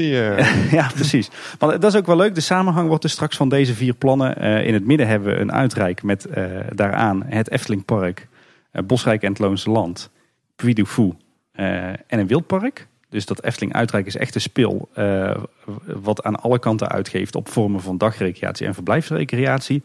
Aan elkaar verbonden met dat trammetje. We hebben dus de natuur van enerzijds Huis ter Heide en anderzijds Loons en Drunische Duinen die voorheen een beetje onderbroken werd door de Efteling, hebben we aan elkaar geknoopt met een mooie zone van groen. En het leuke is ook dat er in het, eh, het, het masterplan van de Efteling, zoals dat er ligt, eh, dat er wordt gesproken over drie zones van noord naar zuid. Dus eh, bovenin is het allemaal dagrecreatie. In de middelste zone is het allemaal verblijf. En in de zuidelijke zone is het allemaal natuur. En in mijn plannen houden we daaraan vast. Want als we naar de noordelijke zone kijken en we gaan van oost naar west, hebben we het Eftelingpark, uh, het Uitrijk, Puy de Fou en het parkeren, alle intensieve recreatie. In de middenzone hebben we uh, Villa Padus, Loonse Land, Bosrijk en alle nieuwe vormen van extensieve recreatie, dus de camping en de cottages en de stugas. En in het zuidelijke deel hebben we straks het natuurgebied Loonse Land en het Wildpark. En zo is eigenlijk het, uh, het plaatje helemaal compleet en uh, voldoen we ook aan, uh, aan alle eisen op het gebied van procedures, milieu, et cetera. Ja, ik vind, het, ik vind het een heel goed plan. Je hebt de lat hoog gelegd, Tim. Zo, en nou trek ik een biertje open. ja, je hebt groot gelijk. Dan denk ik aan jou de beurt, Niels. Ja, dat denk ik ook. En uh, nou ja, na, na dit verhaal van Tim is het lastig om, daar nog, uh, om dat nog te overtreffen. En uh, nou, ik moet ook wel zeggen dat Tim al wel wat wild gras voor mijn voeten heeft weggemaaid. Want er zitten wel, er zitten wel her en der wat raakvlak. Maar vind ik ook wel weer leuk. Ehm, dus dat geeft wel aan dat het, dat het ook wel een beetje in die lijn is. Nou, wel even disclaimer vooraf. Ik ben lang niet zo goed thuis in alle gebieden en, en de oppervlaktes als jullie. Dus uh, ik heb echt, uh, ik ben gewoon heel breed gaan denken van nou, hoe zou voor mij uh, de wereld van de Efteling er over nou, x jaren uit moeten zien. En um, en nog een disclaimer. Ik, ja, weet je, ik heb ook niet precies gekeken naar zou dat passen, zou dat goed aansluiten. Dus nou ja, dat, uh, uh, dat is ook even nog disclaimer 2 daarbij. Nee, niet te bescheiden, Niels. Niet te nee, bescheiden. Nee, nee. Gewoon, nee, nee. Maar ik ga, ik kom, nu komt mijn pitch en die is zeker niet bescheiden. Uh, en nou, hoe ik het bekeken heb. Ik heb gekeken, hè, Bosrijk, Loonse Land, grote vakantieparken. nou, hè, nog lang niet altijd volledig bezet. Maar je hebt dus gasten met een langere verblijfsduur. Er zijn dus veel gezinnen die een dag of vier, zeker wel meestal in de wereld van de Efteling aanwezig zijn. En nou, vanuit die customer journey heb ik eigenlijk gekeken van nou, hoe kan een gezin zich zo goed mogelijk vermaken, maar is tegelijkertijd dan ook interessant voor vrienden, vriendengroepen en uh, families. En nou, ik denk dat veel mensen die wat meerdere dagen achter elkaar ergens verblijven, wel herkennen, is dat je eigenlijk hè, op, op dag twee of misschien op anderhalve dag wel denkt, nou, en dan komt toch wel een beetje het gevoel van dit, dit mag wel eens onderbroken worden. Hè. Verandering is dan misschien wel welkom. Uh, dus wat ik heb bedacht is, nou, het zijn eigenlijk het zijn eigenlijk vier ideeën waarvan er drie aan elkaar gekoppeld zijn en waar er eentje meer los van staat. Idee 1, en dat zou zich dan hè, ongeveer moeten bevinden in, in, in de vakken KLMO. Uh, daar heb ik bedacht om een uh, Second Gate Park toe te voegen. Uh, en dan de samenwerking aan te gaan met Studio 100. Uh, door daar ah. een, uh, een, variant van, uh, van Plopsa neer te zetten. En ik heb hem in mijn plan Plopsa Indoor XXL genoemd. Ehm, maar wel meteen ook met de kanttekening geen blokkendoos. heel goed gethematiseerd. Ehm, maar eigenlijk bedoeld als instap Efteling. Hè? Dus als je met je gezin gaat, heb je misschien ook wat kleinere kinderen, waarvoor veel in de Efteling nog net iets te uh, hoog gegrepen is. Dan zou dit een mooie opstap kunnen zijn om hier een halve dag jezelf, uh, of een halve dag tot een dag jezelf te vermaken. Misschien ook nog wel wat dingetjes buiten. En ik heb er ook uh, achter gezet, en dat is de eerste, het eerste raakvlak wat wij hebben, Tim, ook slash shoppingmall. dus daar kunnen omheen ook nog wel wat winkeltjes zijn die dan weer als faciliteit dienen voor nou ja, in de, onder andere de, de gasten van Bosrijk uh, Loonse Land, maar ook de bezoekers van, uh, van deze Plopsa-versie. Daarbij ook bedacht, ik zie ook nog wel gebeuren dat uh, Plopsa zelf nog voor meer locaties gaat kiezen in Nederland. En ik denk dat het handig is ook voor de Efteling dat voordat zij zelf een locatie gaan kiezen, dat ze gewoon slim gaan samenwerken. Ik denk dat ze elkaar zeker kunnen verstevigen en kunnen aanvullen voor, een, voor een grote doelgroep. En, en dan vooral bekeken uit uh, nou, het gezinsperspectief met kleinere kinderen, dat dit een soort van uh, opstap zou kunnen zijn. Zodat je eigenlijk, en dat komt zo meteen ook nog wel terug in de andere ideeën die ik heb, de hele familie zou kunnen bedienen. Dat er voor elk wat wils is in de wereld van de Efteling. En wat, wat zou dat dan voor thema gaan krijgen? Ja, dat, dat is een goede vraag. kijk, het, ik wil in ieder geval wegblijven bij uh, wat ik al zei, de blokkendoos. Hè. Dus er moet geen, uh, er moet geen blauwe IKEA in het landschap staan. Niet, gemiste kans. ja. Ah, ja. Ikea is ook wel een van je favorieten, toch? Ja, die wil ik trouwens ook wel in mijn, mijn uitrijk. Zo'n zo'n binnenstad variant van Ikea. Een Ikea to go. Ja. Ja. Het, ja. met de mini-billies. Nee, dat, eh, dat moet het zeker niet zijn. Dus wel meer hè, van, van buiten meer gethematiseerd. Uh, maar het is een second gate park. Dus wat mij betreft zou het landschap en de omgeving waar het zich in bevindt... Uh, wel in Efteling thema moeten zijn. Mag het ook wel wat wilds aandoen. een beetje glooiend landschap, een beetje duinachtig. Maar... Um, mag het wel de IP's hebben van, van Plopsa. Dus daar, hè, zodra je die wereld binnenstapt, dan uh, mag dat wel uh, uniek blijven. Dus uh, ja. En je had het net over okay. winkels en zo die er dan bij liggen, maar die, die liggen dan aan een soort voorplein of zo. Dus je hebt, ja, ja. zo kan ik me voorstellen. Ja, ja, nee, dat is ook hoe ik het in gedachten heb. Hè. Dus dat je centraal de Plopsa hebt. En ik noem het hier Plopsa Indoor XXL. Maar en er mag dus wel buiten ook nog wel wat zijn. Misschien een, een, een verkeersplein hè, met, met skelters. Dat je, hè, uh, voor, voor die kinderen ook nog wat leuks hebt uh, uh, buiten. Hè, dus niet alleen maar indoor. Ik, ik proef een Plaswijkpark hier. nee, nee, nee, nee. nee. ja, Danny, ik zie Danny wel. oh ja, nee, ja, dat weten de mensen niet. We nemen het op met een WhatsApp video dinges. Ja, ik, ik ben Plaswijkpark fan. Ja, sorry. Ja, ik, nee, ik, ik, ik, ik, uh, nou, ik vind Plaswijkpark uh, uh, leuk. Niet zo leuk als Danny, maar ik vind Plaswijkpark zeker leuk. Dus nou, inderdaad. Daar, nee, maar Niels, ja. jij, hebt mij nu, jij hebt mij nu met het woord skelterbaan. Ja, dus leuk. Dat, nou, hou dat vast. Hou dat vast. Ja. Nee, dus dat, dat voor wat betreft het Second K-Park. En dan gaan we naar de, naar de andere invulling wat mij betreft. Um, en daarvoor heb ik voornamelijk gekeken naar het Efteling Golfterrein. Um, en uh, hoe ik dat zou invullen. Want ik denk dat daar heel veel kansen zijn. Daar heb ik eigenlijk uh, meerdere ideeën over. En er komen er ook wel een paar uh, weer terug die jij had, Tim.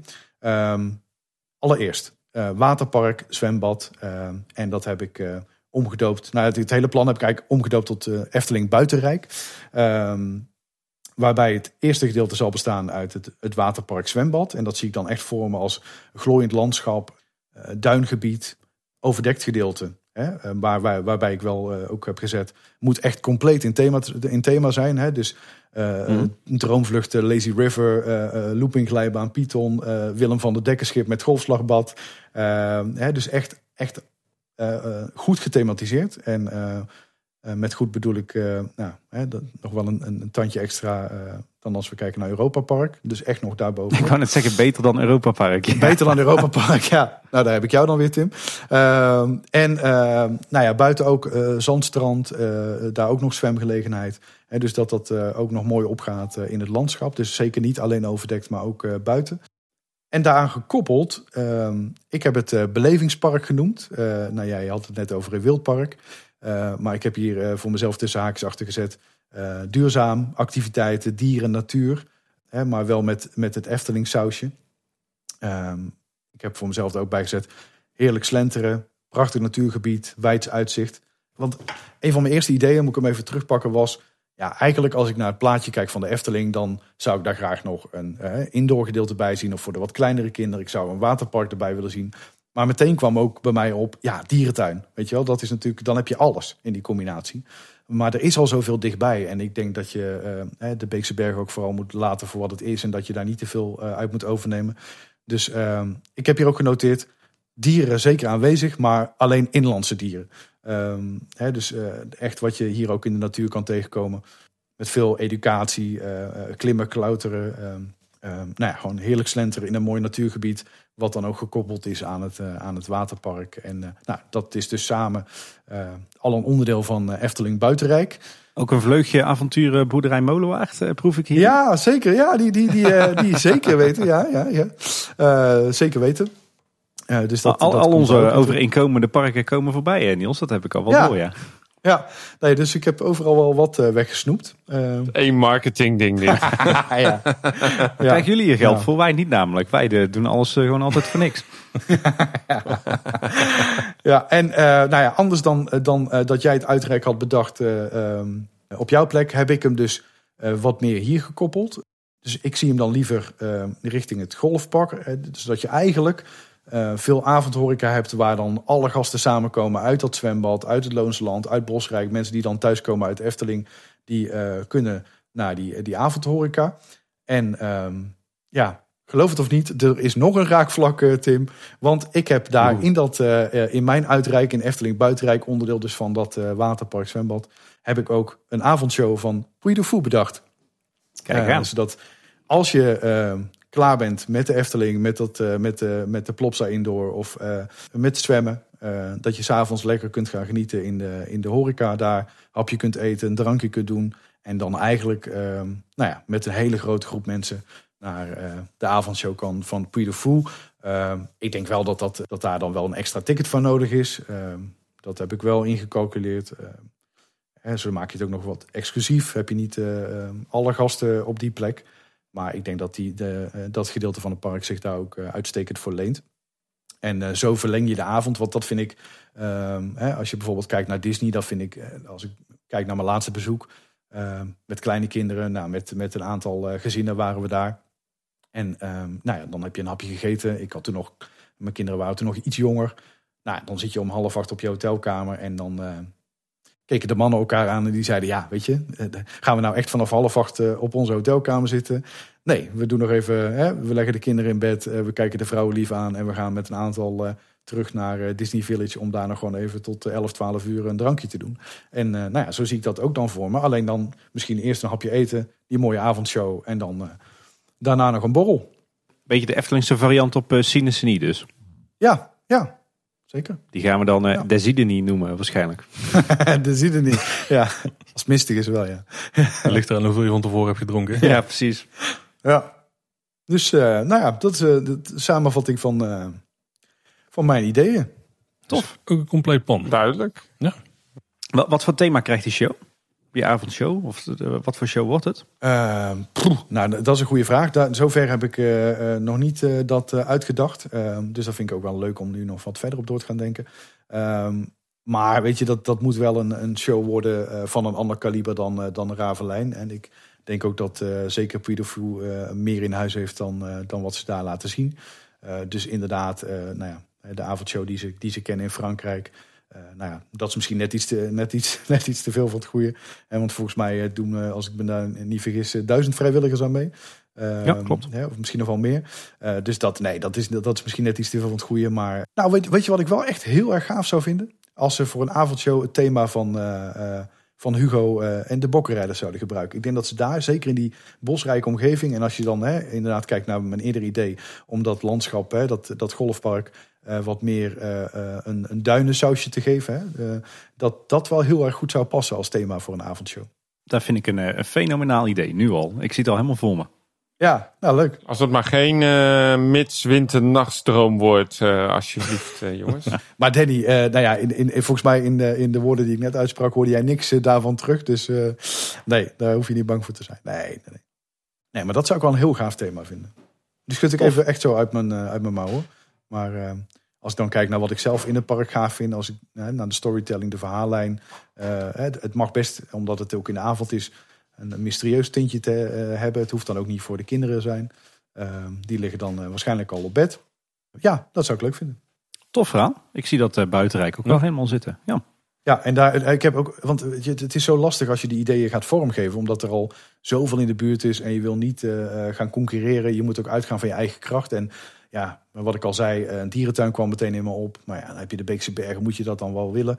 Maar die combinatie hè, van zo'n belevingspark, gecombineerd met, uh, met zwembad en dan die avondshow, dacht ik, ja, daarin kun je echt wel onderscheiden.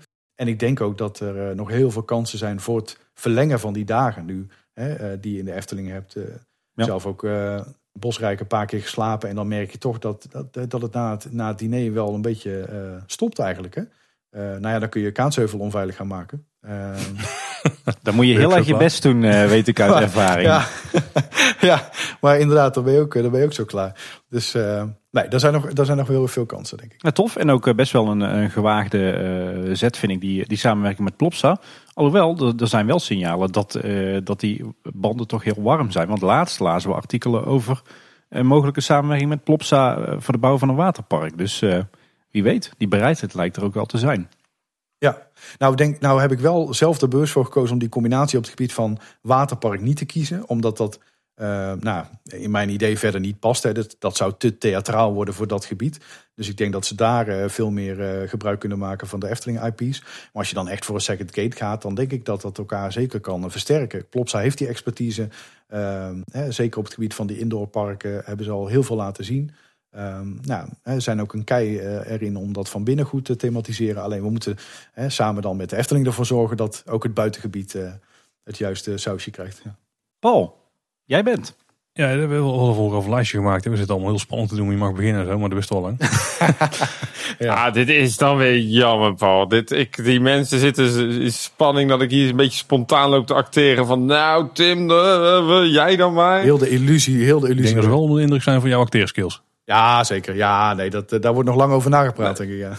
We, we hadden ook geen keuze, Danny, want jij was heel stellig dat jij per se als laatste wilde, want dan kon jij al onze plannen met de grond gelijk maken. Ja, ga nou maar. eh, Oké, door. Paul. Ik eh, ben de cijfers ingedoken, heren. Ik denk ik ga het dus even anders aanpakken. Ik had namelijk twee plannen en ik wou die ergens op stoelen. En eh, dus hebben alle twee voor- en nadelen. En ik heb er één gekozen omdat ik wist dat niemand die ging pakken. Tenminste, ik weet niet wat Danny nog gaat doen. Dus daar gaan we voor. Maar let op, we beginnen even met de cijfers. Want een, een heel belangrijk gegeven is dat die uitbreidingsgebieden in het westen van de Efteling... die, krijgen, die kunnen een bebouwingspercentage krijgen van maximaal 60%. En dat is veel, want de Efteling zelf heeft op dit moment een bebouwingspercentage van 11%. Dus ik dacht, ik ga eens even kijken van wat zou dat nou in de praktijk betekenen. Als je uitgaat van een bebouwingspercentage van 11% in het huidige Eftelingpark... en hebben ze nog net niet gehaald, er is nog een klein beetje ruimte. Ik gok ongeveer een symbolica aan oppervlakte. Maar dan ehm, zou je om hetzelfde weg te zetten op een ander gebied... en het huidige Eftelingpark is 54 hectare... als je met een bebouwingspercentage van 60% net zoveel wil bouwen... dan heb je maar 9,1 hectare nodig. Dan kun je alles wat nu binnen de huidige Efteling is gebouwd... kun je dan op daggrondgebied kwijt, zeg maar. Dus dan, dan om, het even op te sommen, want dan, het klinkt misschien als eh, niet zo heel spectaculair. Maar dan heb je dus een Fata Morgana, Droomvlucht, Symbolica, Vogelrok, Carnaval Festival, Vliegende Hollander, Carouselpaleis, Fabula, Spookslot. Tientallen sprookjes natuurlijk, Villa Volta, Het Witte Paard, Panorama, De Oost, Efteling Theater, die hoort er ook gewoon bij. Het Huis van de Vijf Zintuigen, weet ik niet precies hoe die meetelt qua eh, bebouwing. En Ravelijn. Daar zou je allemaal op een gebied van 9,1 hectare kunnen plaatsen. En dan stel je misschien de vraag van, maar wat is dan ongeveer 9,1 hectare? Nou, dat is iets meer dan het deel wat nu is bestraat op vak KLM. Daar zou je alle bebouwing van de Efteling nu met 60% bebouwingspercentage neer kunnen plempen. Dat is dicht op elkaar. En om een beetje een, inschatting te geven van hoe dat dan zou kunnen aanvoelen als je er bent.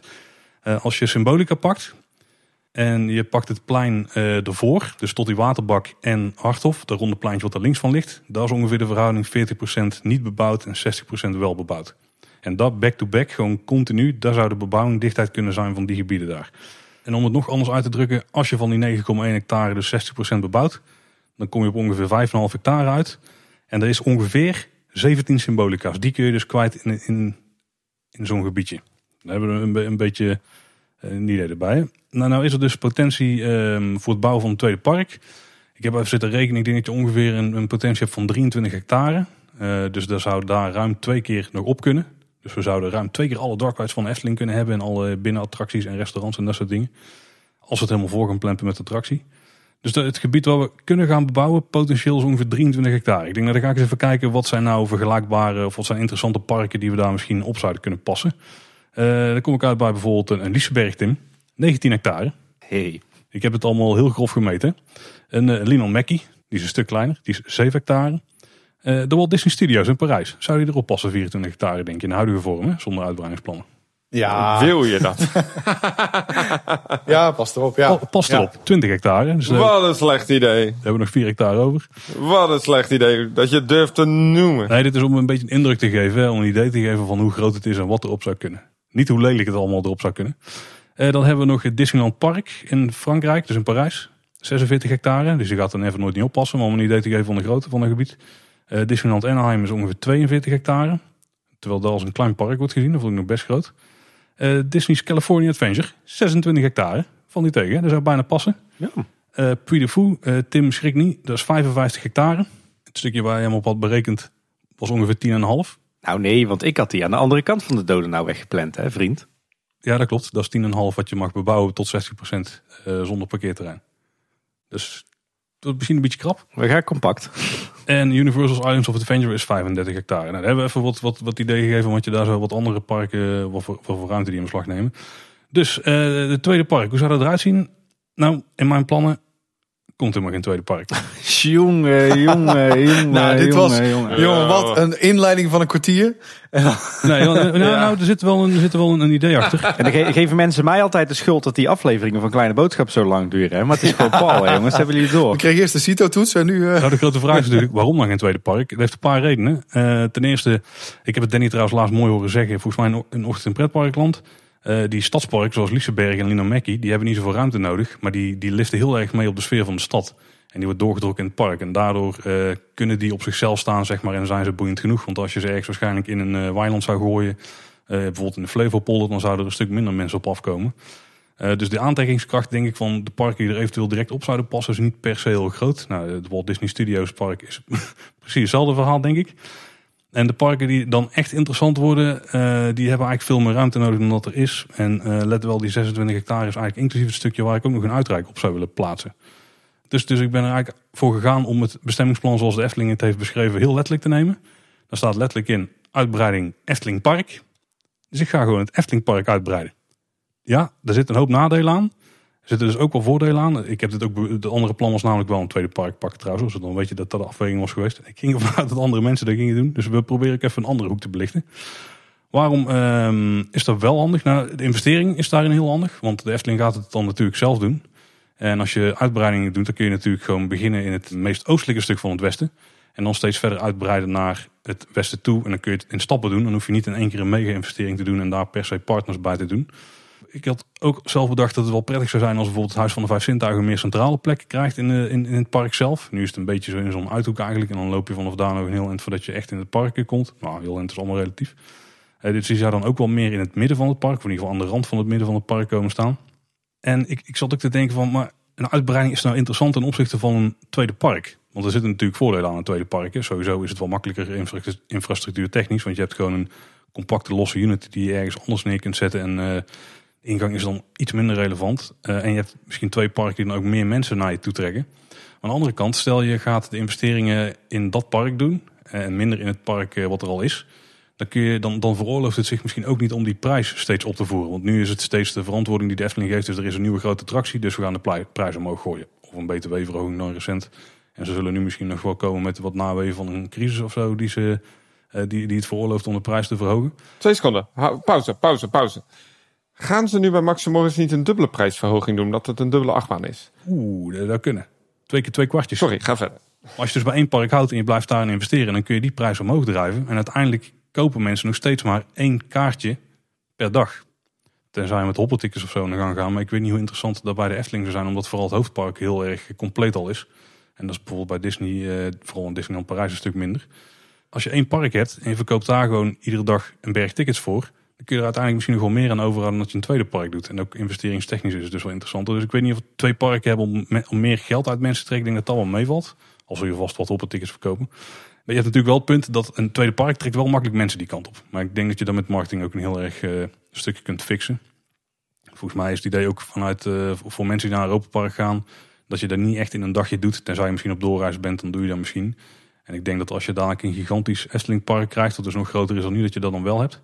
Als je de marketing goed aanpakt, dan denk ik dat je mensen daar wel veel makkelijker heen trekt. En dat je de mindset ook echt moet creëren van één, één dag gaat je gewoon echt niet lukken. We bieden superveel voor één prijs. Je kunt van het hele Efteling eh, buffet kun je alles ge- gewoon pakken wat je wil. Maar je gaat het gewoon niet redden in één dag. Dus of je kiest ervoor om echt die highlights voor jou te doen, of je gaat voor de complete ervaring. En dan heb je dus meerdere nachten nodig. En daar is dus een hoop overnachtingsmogelijkheden voor. We hebben natuurlijk wel een paar eh, hele praktische eh, problemen. Want het park wordt dan heel groot. Heb ook niet echt per se een hele goede oplossing voor. wel eh, dat we toch een kleine bestemmingsplanwijziging misschien moeten doen om het park aan elkaar te maken. Want volgens mij kun je het nu niet super makkelijk aan elkaar knopen. Eh, dus we gaan wel het lemterrein ook bij het park, het Efteling Park betrekken. De fietsenstalling ook. En eh, uiteindelijk ook een stukje, ik denk de eerste vier rijen van P1. Om zo een enigszins logisch gebied te creëren wat aansluit op dat nieuwe stuk. Want het gaat op KLM komen. Daar komt de uitbreiding van het park uiteindelijk voor het hoofddeel. Het Duits bosje wordt geofferd. Nee, die wordt niet geofferd. Nee, Ja. Die blijft gewoon eh, bestaan. Ehm, maar dan moet, ergens komt er een brug over de weg heen. En uh, daar doen we mooi wat bebouwing. Zodat je niet door hebt dat je daar uh, eigenlijk door een heel smalle tunnel uh, naar de rest van het park gaat. Dat is net dat je in de open lucht loopt. Hè. Dat kunnen ze vast goed maskeren. En dit stuk moet eigenlijk de dark ride hemel worden. Want we hebben 60% bebouwing. Dus we mogen extreem veel dingen binnen gaan doen. En dan kunnen we wel een hoop eh, aardige zaken kwijt. Ik, denk, ik ga nog meer rekenen. Ik ga voor de gein eens kijken wat voor attracties die nu in de wereld bestaan. En we gaan ze echt niet één op één kopiëren, maar om een idee te geven van wat daar aan uitbreiding van het aanbod zou kunnen komen. Het stuk wat nu geasfalteerd is ongeveer 8,5 hectare. En wat daar dus precies in past. Nou, let op, hè. ik heb echt eh, ik heb zitten rekenen, jongen, dat wil ik niet weten. Eh, De Forbidden Journey van Universal Island of Adventure. Een van de grootste eh, dark rides ter wereld. Hè? Ja, absoluut. Nog één die net zo groot is, heb ik gemeten. Ik heb het trouwens allemaal gemeten met een appje op mijn iPad. Dus het kan, eh, ik kan er af en toe een paar honderd vierkante meter naast zitten. Ah, laat ze dat maar niet bij de Raad van State horen. nee, nee. eh, nee. Eh, Spider-Man 3D, de ride. ook 0,8 hectare. Transformers de ride 3D, die is maar 0,3 hectare. Dit is allemaal veel schermen rides, maar dit is gewoon om de indruk te geven. Ik was begonnen in Universal met meten. Waar ook een indoor coaster staat. Revenge of the Mummy, 0,7 hectare. Dan ben ik naar Disney gegaan. Hebben we Indiana Jones Adventure gepakt, 0,65 hectare. Dan kan er twee keer Phantom Manor op, dat is 0,35 hectare. Eén keer Pirates uit Parijs, die is gewoon 1 hectare groot hè, heel die attractie. 1 hectare? Nee, dat is echt niet normaal. Ja, daar zit overigens wel Captain Jack's bij, dit restaurant. Dus eh, die hebben we dan ook meteen in, in erin zitten. En dan hebben we ook nog eh, Space Mountain in Parijs, 0,55 hectare. Dus daar zou alleen al kunnen op het, be, be- het geasfalteerde stukje parkeerterrein van de Efteling op dit moment. Dus op KLM. Maar nu komt de hamvraag, Paul. Past de Hollywood Tour er ook bij? Die zal er best wel oppassen. Ja, dan moeten we misschien wel toch een van die Phantom Manors offeren. Ik zou het doen voor de Hollywood Tour. Anders gaat het niet passen, denk ik. Daar zijn dus dingen die alleen op dat stukje al passen. Uiteindelijk is het eh, gebied wat daar gebruikt zou kunnen worden nog wel iets groter. Want er liggen nog wel veldjes daaromheen die nog niet van de Efteling zijn. En die nog wel aangekocht kunnen worden. Dus ik ging nu ongeveer uit van zeg maar een goede 9 hectare. Maar het kan in het totaal, zou het ongeveer 17 hectare kunnen worden wat erbij komt. En het stukje, het LEM en P1 stukje wat ik daar had bij berekend ongeveer 2,5 hectare. En dat wordt dan eh, de grote lab. En er moet uiteraard iets van een transportsysteempje komen. Zodat je vanaf het, eh, vanaf, vanaf het Huis van de Vijf Zintuigen makkelijk daarheen kunt. Betekent ook dat het Efteling Theater gewoon in het park blijft liggen. En daar gaan we dus gewoon een parkshow in doen. Net als vroeger. Er wordt geen los theater meer. Want er komt uiteindelijk ook gewoon een uitreik bij. En de uitreik daar komt bij mij dus aan de parkeerplaats te liggen. Eh, want de parkeerplaatsen komen dus helemaal in het westen. Die blijven daar gewoon. Tim, jouw plan was helemaal goud. Lekker groen eh, houden. eh, een lekker gevoel je auto daar wegzetten, zeg maar. Ehm, wat je dan wel kunt doen als je parkeerterrein afloopt, is dat je of kunt kiezen, ik loop nu door het uitreik richting het park. En eh, die westuitbreiding zou uiteindelijk in 2050 denk ik ook wel een, eh, een ingang krijgen aan het westen. Een soort second, eh, of een tweede ingang toch, een soort second gate. En dan een tweede ingang. Eh, dus je kunt of kiezen, ik ga door het uitreik heen en daar naartoe. Of ik stap op een trammetje en die zet me af bij het Huis van de Vijf Zintuigen. Want er komt eh, ja, ongeveer de, van de parkeerpromenade zal ongeveer de helft overblijven mijn plannen. Er komt een soort eh, eh, aankomstplein. Dus er kunnen auto's, taxis, bussen, taxibusjes. maar ook die tram die kan daar dan iedereen afzetten. Dan loop je nog een deel van de promenade naar het Huis van de Vijf Zintuigen. Wat dan aan de rechterkant, eh, waar dan nog wel een parkeerplaats tussen de VIP-parking en de minder verdiende plaatsen eh, liggen. Die worden met een groene wal afgezet. Dus dan eh, loop je tussen het groen, want links ligt inmiddels een sprookjesbos. Loop je zo naar het Huis van de Vijf Zintuigen. Dus daar blijft nog steeds die indrukwekkende poort waar we zoveel mogelijk mensen heen willen sturen. En het uitreik zelf, ja, de, de, plannen die jij hebt, Tim, die, die, die zie ik heel erg zitten. Gewoon echt een, een stadje pieks met grachten erin, waar ook pootjes erheen varen, waar je als een soort mini-attractietje in kunt. En gewoon op je gemak kunt kijken wat er allemaal gebeurt. Eh, misschien een pleintje of twee, misschien drie. Eh, ook wel hoogteverschillen, zodat je ook op ja, wat bordessen kunt gaan zitten eten, zeg maar, op je gemak. Ik denk dat er ook een, zwemparadijs aan moet liggen. Ik zou die in dat stuk dan hebben. Ik heb ongeveer zitten meten als we de City Walk in Universal, eh, van Universal in Orlando. jij kent hem wel, Danny. Als je daar het zuidelijk stuk van, van neemt, dus eigenlijk aan de, de kant van het water waar je ook aankomt. Dus niet het andere stuk waar de Blooming Group nog zit en zo. Dan zou daar makkelijk op dat stuk passen samen met eh, heel Rolantica. Dus ik denk dat, eh, dat we daar best wel een prima uitreik plus zwemparadijs van kunnen maken. Ook echt wel iets van te maken is. Ik trouwens ook nog zat te denken, als we dan toch bezig zijn met dat Efteling Uitrijk weer en dat Piekse stadje. Kijk, eh, als je kijkt naar piekprenten, dan hebben die gebouwen vaak toch eh, drie bouwlagen, begaande grond en twee verdiepingen.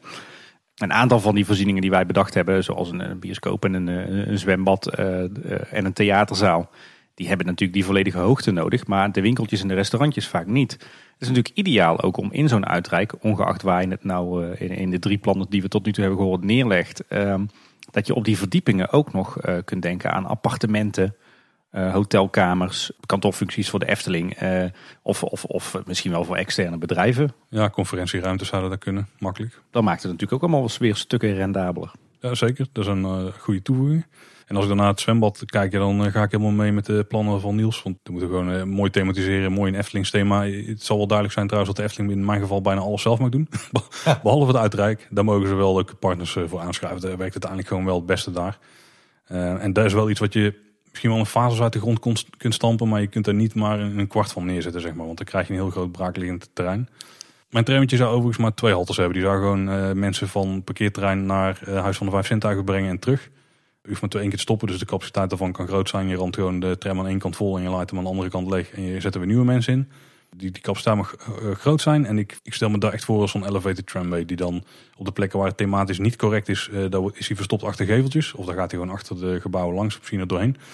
Binnen de nieuwe parkuitbreiding zou die misschien wel onderdeel kunnen zijn van een meer eh, steampunk of zo'n zo'n eh, retrofuturistische. We hebben het laatst besproken in een aflevering die niet uitgekomen. Zo'n retrofuturistische look van een parkdeel zou die misschien wel weer terug kunnen komen. In ieder geval qua grote metalen eh pilaren die eronder staan en, zo. Dus dat zie ik dan zo wel voor me. En dan ben ik het denk ik een heel aan doorheen. Ja, er zitten, ik besef er zitten wel praktische bezwaren aan. In mijn ideale situatie, of als je het helemaal vanaf de grond af aan zou mogen plannen, dan denk ik dat het mooier zou zijn om het Huis van de Vijf Zintuigen als een soort eh hoofdentree te gebruiken, dat daar een uitreik bij ligt. Dus daar zou dan deel op P1 kunnen en het deel op het Lemterrein en daar betrek je het eh, theater ook bij. Dus je verplaatst dan de kaartcontrole. En dat je dan links het Eftelingpark in kunt en rechts misschien een second gate. Maar ik heb geprobeerd om iets, eh, een ander plan te hebben. Ik ben nog wel benieuwd wat Danny heeft natuurlijk. Ik denk niet hetzelfde. Maar ik heb het dus heel letterlijk gepakt. En eh, ja, qua thema of zo, ik heb er niet echt sterke eh, ideeën bij. Maar het, zal allemaal, zullen veel binnenattracties worden. En ik denk dat je vooral voor sfeertjes moet gaan die eh, binnen de Efteling er nog niet echt zijn. Ja, sfeertjes misschien het, verkeerde woord, maar ik heb al vaker gehad over dat we in de Efteling hebben een sprookjesbos. Eh, je zou een deel van het park zou je kunnen zien als een soort sprookjesdorp, maar we hebben nog niet echt een sprookjesstad. Dus echt gewoon de Piekse stadje met attracties achter gevels of waar entertainment op, de, eh, op straat plaatsvindt. Dus daar zou een stukje ervan kunnen zijn, al zit er ook wel voor een deel aan het uitrijk. Dus ik denk dat hier uiteindelijk dan maar de, de, de slimme imagineers van de Efteling zelf over na moeten denken. Daar heb ik nog niet al te veel eh, input voor. Maar even een, eh, een, een richting, waar moet ik aan denken? Gaan we richting de, de Jip en Janneke en de Sesamstraat? Gaan we richting Tolkien? Gaan we richting eh, Star Wars? Gaan we richting eh, meer dieren? Heb je daar een gevoel bij? Nee, ik denk dat we het wel meer in het romantisch houden. Maar we zouden bijvoorbeeld kunnen denken aan een industrieel gebied. waarvan alles gebeurt, maar wat dan niet puur industrieel is en vies en vuilig. Maar wat inmiddels weer opleeft en wat vrolijk wordt gemaakt door de mensen die daar wonen of zo. Ehm nou, zo'n retro-futuristisch stukje. Wel gewoon losse gebiedjes. En ik denk dat we het hier ook meer kunnen gaan opzetten als echt themagebieden. En niet zoals we de Efteling klassiek kennen. Eh, ja, weet je wel, gewoon eh, daar een attractie met een pleintje. En dan naast eigenlijk er- tegenaan weer een attractie met een pleintje. Maar dat het wel, wel groter eh, is, zoals ze ook zelf wel hebben aangegeven dat ze dat willen. Ja. En ik denk dat je dan een gebiedje of drie, vier, dat je er best wel prima kwijt kunt. En wat, wat doe jij met het golfpark? Ja, het golfpark daar, ehm, heb ik net een ander plan voor dan jullie. Ik zie het eigenlijk gewoon als een heel groot uitgestrekt openbaar park. Eh, dus landscaping die eh, behouden we gewoon voor een groot deel. Ik ga er ook niet al te veel knaken in stoppen, maar we halen wel de, de hols nog net weg. En de, de grastypes, er worden misschien wel andere grassen ingezaaid, maar er mag wel gewoon groen gras worden. Dus ik stel me ervoor dat er in de zomer mensen gewoon eh, liggen te chillen langs eh, de stroompjes die lopen in de velden. Eh, dat je eh, het huidige clubhuis nog steeds kunt gebruiken als soort restaurant of uitvalbasis. Als je daar iets anders wil doen dan eh, ontspannen. Tenminste, dan in het gras ontspannen. We leggen daar een hoop paadjes aan waar je op je gemak doorheen kunt fietsen, doorheen kunt wandelen. We gaan ook de uitloper tussen het Bosrijk en het Loonse Land gebruiken om die parken te verbinden. Dus als je in het ene park zit en je wil naar de andere, dan kun je makkelijker daartussen eh, verplaatsen. En misschien dat we nog wel wat extra stukjes, ehm, als het mogelijk is binnen de bestemmingsplannen, wat extra bebouwingsstukjes toevoegen. Dus ehm, zoals je wel ziet in de, grote stadsparken, dat je eh, ja, wat kleine kioskjes zet waar je nog dingen kunt kopen en een openbare toiletunit en dat soort zaken. En er kan wel een onderdeel ervan zijn dat er ook nog een eh, soort grote kinderboerderij achter iets eh, bij zit. Maar ik maak er niet per se een eh, park van met een hek eromheen. Het zou gewoon echt een openbaar stuk moeten zijn. Uiteraard is wel ruimte voor een midget golfbaan of iets in die geest. Of misschien wat sportvelden. Of, of om er even terug te komen bij de, de, de, functie van de Efteling vroeger.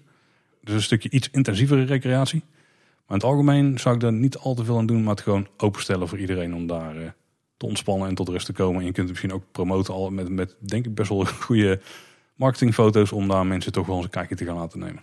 Ja, ik zie, ik zie dan beelden voor me zoals het, het Spoorpark in Tilburg, eh, Central Park in New York, eh Slot Skogen in Göteborg. Maar goed, eh, de mannen uit Rotterdam kennen waarschijnlijk ook wel een aantal voorbeelden. Ja, die laatste twee. Plaswijkpark. Joh, daar is hij weer. Danny schrikt wakker. En ik, zat, ik zat meer te denken aan het, eh, aan het Zuiderpark, het Vroezenpark. Wat heb je nog meer eh, in, eh, in, in Rotjeknor? Kijk, en als dan ooit de bestemming wordt veranderd op dat gebied, dan kunnen we er andere dingen mee gaan doen. Maar op dit moment gewoon even rustig houden daar. En qua verblijfsrecreatie doe je nog wat? Ja, dat is gewoon wat er in de plannen staat. Hè. Dus we krijgen in het zuidwesten krijgen we gewoon die nieuwe verblijfsrecreatie. Ik denk dat er echt wel uh, ruimte is voor een camping in de wereld van de Efteling. Ik weet nog niet wat er met de Bernse Hoef precies gaat gebeuren. Maar mogelijk neemt de Efteling daarover en kunnen ze dan nog uitbreiden of zo. Dus die bestemming toch al op. Maar dat is denk ik voor de Efteling een beetje te kleinschalig. Dus ik denk dat we in het westen en uh, misschien de iets betaalbaarder, uh, eigenlijk een soort tweede loonse land zouden kunnen vinden. Als in qua prijsklasse en accommodatietypes. En daarnaast nog een camping. Zijn die plannen, die camperplaats komt er. Ja, daar, dat is gewoon eigenlijk zoals de plannen er zijn. Interessant ook met die, wat je hebt gedaan ook met die hectare. Dat maakt het wel wat concreter. Ja. Dus om het even samen te vatten, mijn plannen. We hebben dus gewoon het Efteling Park. Dan gaan we uitbreiden naar het westen. Een deel over het Lemterrein, over P1 en over eh, KLM. Dan komt eigenlijk op vak Ogerhofweg het uitreiken met ook een zwembadgebied. En daar weer ten westen van het parkeren. Dus je rijdt eigenlijk vanaf de huidige inritrij dat allemaal langs. En dan parkeer je en dan kun je via het uitreiken naar uh, of de zijingang van het park. Of je stapt op de tram. Dan ga je naar het Huis van de Vijf Zintuigen om alles dan aan elkaar te knopen, dan zijn er natuurlijk ook nog wel extra nieuwe vervoersmiddelen in de Efteling. Ja, ze zullen bijvoorbeeld ook van die trammetjes gaan rijden die uh, alle vakantieparken langs gaan, die het hotel langs gaat. Die stopt in Uitrijk, die stopt bij het Huis van de Vijf Zintuigen op dat nieuwe aanrijden of aankomstpleintje. En die zo eigenlijk uh, alles aan elkaar knoopt. Dus vergelijkbaar met een, een groot resort. Dus als we Walt Disney World dan heel extreem groot als voorbeeld maar nemen. Dan kun je ook met vervoer op alle plekken komen. Dus je kunt alles op zich belopen. De afstand tussen het poorthuis van Bosrijk en het park zou ongeveer hetzelfde zijn als de afstand tussen het poorthuis van Bosrijk en het uitrijk op de positie waar ik het heb gelegd. Dus ongeveer allebei iets meer dan 500 meter. Dus, dus het is allemaal te belopen. Wel vervoer is niet verkeerd, denk ik. Oké, goed verhaal. Ja, leuk. Ja, interessant. Nou Danny, de Rob en de Rover, toch? De Rob en de Rover. Nou ja, ik ben blij dat ik echt niks heb gehoord wat ik in mijn plan had. Helemaal hier niks? Zo. Dus dat is uh, mooi. Nee, nee. Hij heeft gewoon hij zitten herschrijven. nou, daarom viel hij echt Dat heel snel. Ja, ja, ja. Nee, ik heb uh, om te beginnen vind ik dat um, de Efteling is de Efteling. Daar moeten we niet meer aankomen. Dat is de unique selling point van de Efteling. Dat is wat het nu is. Dus hartstikke leuk, Tim, met een leuk pieks uh, uitreiken. Hartstikke leuk, maar we gaan niet meer in die Eftelingse sferen uitbreiden. Wat we wel gaan doen, is de Efteling qua verblijfsrecreatie eerst wat vullen. We gaan uh, Fons even zeggen, hartstikke leuk dat je daar zit op die kamer, maar we gaan dat hele Ravenlijncomplex ombouwen tot hotel. Dus dat we daar eerst wat meer verblijfsrecreatie gaan krijgen. Waardoor we eigenlijk de Efteling van alle kanten hebben ingesmeerd met verblijfsrecreatie. Nou, we gaan ook, uh, dat is gewoon even een dingetje, we zorgen dat alles gewoon een eigen ingang heeft. Waardoor we ook de Efteling wat meer kunnen gaan gebruiken als uitrijk zelf. Dan kunnen we bijvoorbeeld Fabula inderdaad is gewoon een film laten showen. We kunnen de horeca in het park hergebruiken. En misschien kunnen we nog exclusief avondopenstellingen doen van het Sprookjesbos, die inmiddels ook al is uitgebreid. Dus we gaan eigenlijk de Efteling wat breder inzetten. Dus een beetje vergelijkbaar met Europa Park, denk ik, hè? Ja, nou eigenlijk wel. Kijk, wat Europa Park daar wel doet, is wel hun accommodaties wel dubbel gebruiken dan in het park. En dat vind ik wel heel slim, want je gebruikt dus een monorail systeem niet alleen voor de functionaliteit, maar overdag voor de attractiewaarde. En volgens mij ga je dan ook een park wat meer gebruiken. Want het is zo zonde dat je het grondgebied van de Efteling, eigenlijk waar we allemaal van houden, dichtgooit op dat moment in de avond. Dus waarom zou je dan niet wat meer die verbinding maken? Door als je alle kanten hotels hebt, door een soort meeting place, Polles pannenkoekenrestaurant gewoon open te houden tot diep in de nacht. Nou ja, dat lijkt mij dus dat het uitrijk moeten we eigenlijk gaan invoegen in het huidige park. Nou, er is nog een belangrijke omzetbron in de Efteling die we eigenlijk niet hebben genoemd. En dat is evenementen. Ik ben een eventmanager zelf. Maar volgens mij, ik, uh, ik heb de jaarverslagen van de Efteling niet gelezen. Maar ik kan me niet aan de indruk onttrekken dat de evenementenbranche voor de Efteling essentieel is ook voor het voortbestaan. Als je alleen al ziet dat alle grote attracties hebben al een eigen conferentiegedeelte. Um, maar ik moet je zeggen, dat is toch of wat gedateerd of wat klein. En toen denk ik, de Efteling heeft niet een mooi groot conferentiecentrum. Een conferentiecentrum wat de Efteling kwaliteit heeft, maar niet zozeer de Eftelingse piekse uitstraling heeft. Een mooi groot conferentiecentrum. En hier kan Fonds dan ook mooi zijn uh, nieuwe hoofdkantoor bouwen. Dat we als een soort één groot complex bouwen. En dat bouwen we lekker achteraf, helemaal ergens bij die brandweerkazerne. Zien we dat allemaal niet. Maar dan kan de Efteling daar wel, uh, ook nog met, eventueel met een extra hotel erbij een soort van grote, echt een beetje een van de grootste eventcenters worden van Nederland in een thema. Kun je ook nog eens een keer het park extra verkopen. Dus ik denk eigenlijk dat de Efteling wat meer die kant op moet. Dus ik zie eigenlijk bij het brandweerkazerne een, een groot conferentiecentrum. Uh, dus echt een zakelijk uh, evenementencentrum. Het zakelijke aspect ga je op dat moment daar doen. Dus je gaat die, uh, de, een prachtig hotel bijzetten. Het mooie is dan wat ze nu aan het bouwen zijn, of wat ze willen gaan bouwen in uh, Universal Studios Orlando, is een derde park. En dat derde park wordt uh, Fantastic Worlds. Nou, het mooie van dat park is dat het ook naast een conferentiecentrum ligt. Waardoor dat park ook in delen kan worden opgesplit voor conferentiedoeleinden, maar ook voor zakelijke doeleinden. En omdat het hotel dus min of meer een brug is tussen het conferentiecentrum en het park, denk ik dat we dat in de Efteling ook kunnen doen. Want dan kom je op het uitbreidingsterrein waar nu het parkeerterrein is. Dan zou je een second gate kunnen bouwen. En een second gate zou ik bouwen als een vier, vijftal themawerelden. Hele inclusieve themawerelden. En misschien moet de Efteling wat dingen inkopen. Misschien moeten ze uh, dingen ook die ze al hebben, zoals Klaas Vaak, veel meer uitbreiden. Bijvoorbeeld een mooie Klaas Vaak indoorzone. Uh, je zou kunnen zeggen, misschien moeten we uh, de duizend en één nacht mysteries wat meer oppakken. en daar een aparte zone van maken. Dus we gaan een park maken wat allemaal aparte zones heeft. Het mooie is dat we dus losgaan wel van de typische Efteling, maar wel een verbinding maken met het merk Efteling. Dus we gaan geen Antropiek, uh, we gaan uh, niet uh, een Fata Morgana kloon bouwen, maar we gaan wel die mysterie daarvan hergebruiken. En ik denk dat dat heel goed past. En misschien moeten we dan ook eens denken dat er bijvoorbeeld een Legoland mini in-world, indoor world zou komen. Of dat we inderdaad Plopsaland daar een, een, een stukje land krijgen om daar dingen te bouwen. Juist dingen die zo ver mogelijk afstaan van het park. Um, ik vind het idee dat de verbinding moet zijn met boten heel gaaf. En inderdaad, in Orlando, uh, volgens mij noemde Paul het al net even, heb je een prachtige promenade van boten tussen die hotels die dan het park verbinden.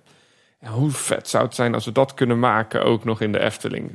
Blue Sky, we halen die fietsenstalling half weg. Daar komt een mooi dok waar dan een mooie bootkanaal helemaal richting de achterkant van het resort gaat.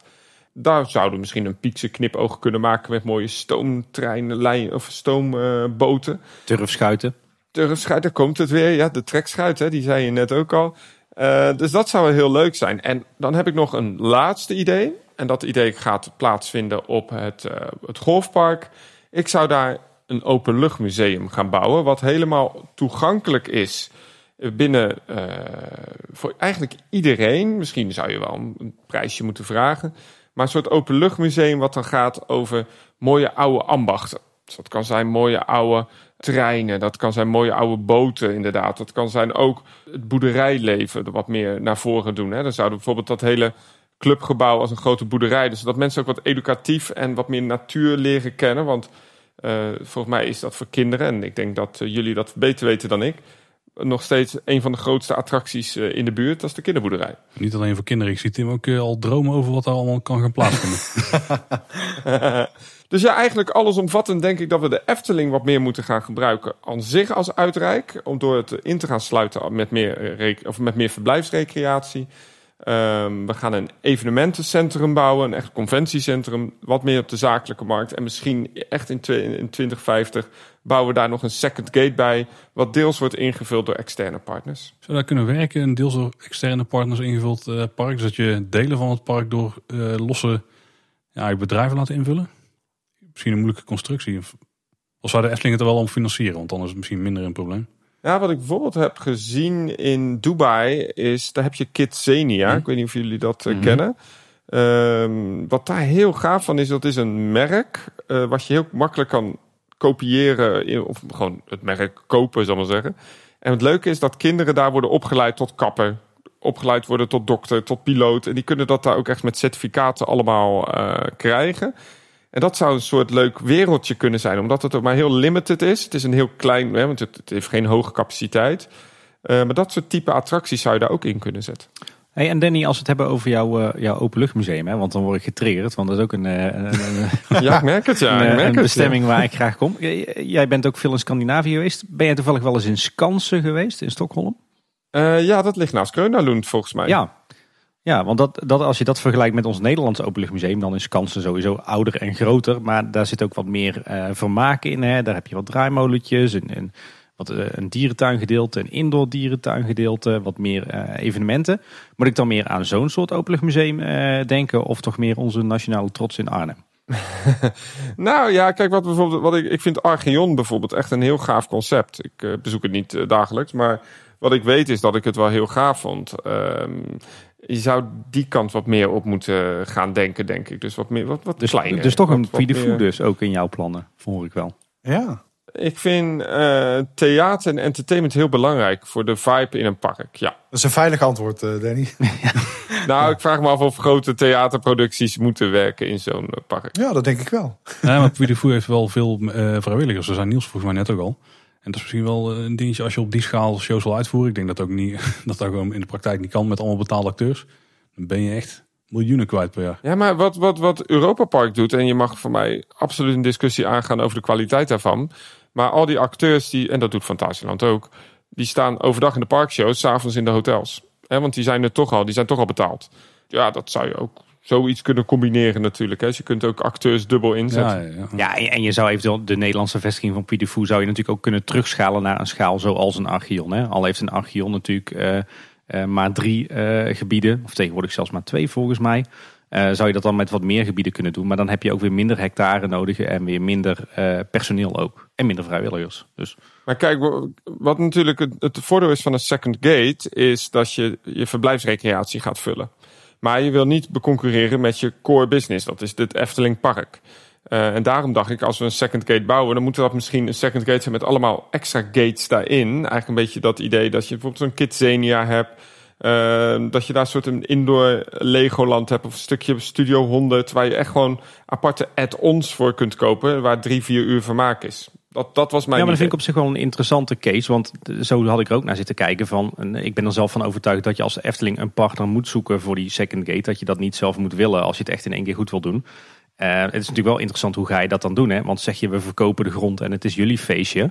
Eh, dat is natuurlijk het ene uiterste. Maar je kunt ook denken in eh, de grond blijft van de Efteling. En die wordt gehuurd door dat bedrijf. En die zet er zelf zijn eigen gebouwen op. Of hou je die ook van de Efteling en gaat zo'n externe partij alleen eh, investeren en exploiteren? En, en krijgt hij een deel van de winst? Of eh, eh, bet- betaalt dat bedrijf juist weer huur aan de Efteling? Dus daar heb je allerlei interessante financiële constructies voor. Die volgens mij ook niet per se eh, helemaal nieuw zijn. Want ik hoorde jou laatst, eh, Danny, ook een verhaal in Ochtend in Pretparkland eh, vertellen. Bijvoorbeeld over, was het Elton Towers? Waar ook zo'n eh, constructie op zit. Ja, Eh, ja, ja. die, je hebt er natuurlijk allerlei vormen in eh, die aan de ene kant het financiële risico voor de Efteling verkleinen, maar aan de andere kant er wel voor zorgen dat het, eh, het, toch wel eigendom van de Efteling blijft tot op zekere hoogte. Eh, maar je zou natuurlijk wel eh, moeten gaan voor een soort van gedwongen winkelnering qua verblijfsaccommodatie. Hè? Want misschien dat zo'n second gate de Efteling dan wel onderaan de streep niet veel omzet oplevert. Eh, eh, maar als je zegt van nou we laten een externe partij lekker een second gate bouwen op hun kosten en op hun risico. Eh, en we zorgen er wel voor dat al die gasten bij ons in de verblijfsaccommodaties komen te zitten. Dan, heb je, dan snijdt het mes volgens mij aan twee kanten. Want dan heb je een second gate die weinig kost en waardoor je weinig risico loopt. Maar tegelijkertijd heb je wel je verblijfsaccommodaties gevuld. Ook in, in een dubbel of driedubbele aantal van hoe, hoe ze er nu liggen. Eh, Dus je hebt ook een uitgaansvoorziening gevuld. Dus je hebt ook je Efteling Park gevuld. Zou, zou dat interessant zijn voor de Efteling? Want eh, als je kijkt naar de grote in Europa, dan zijn ze, denk qua omzet, is op, zijn ze denk de derde. En misschien niet qua parkgroepen. Maar waarom zou een, een Puy de Fou met anderhalve locatie en ik denk een stuk minder omzet dat dan wel kunnen? Ik denk dat het voor de Efteling veel interessanter is om zelf uiteindelijk eh, de grootste winst erbij te halen. Ook nog een vinger in de pap te houden door zelf vooral de financiën in ieder geval te regelen. Dan kun je wel een extern bedrijf inhuren als expert natuurlijk. Voor de expertise gewoon om zo'n park op te zetten en om invulling eraan te geven. Ja, maar dan grijp ik even terug naar de vraag van Danny. En die staat voor mij ook wel eh, centraal. Van hoe maak je nou eh, er echt een resort van? Hoe zorg je er nou dat mensen echt een vakantie gaan vieren eh, bij ons in de Cats? Eh, net zoals ze dat in Orlando doen. En dan moet je volgens mij meerdere parken eh, te bieden hebben die eh, een totaal andere ervaring bieden. En je, je zou dat nu ook kunnen doen door als Efteling eh, eh, arrangementen te verkopen van joh, eh, kom bij ons op Bosrijk of het Loonse Land zitten en ga naar de Efteling. Ga fietsen op in de Loonse en Drunense Duinen en ga naar de Beekse Bergen.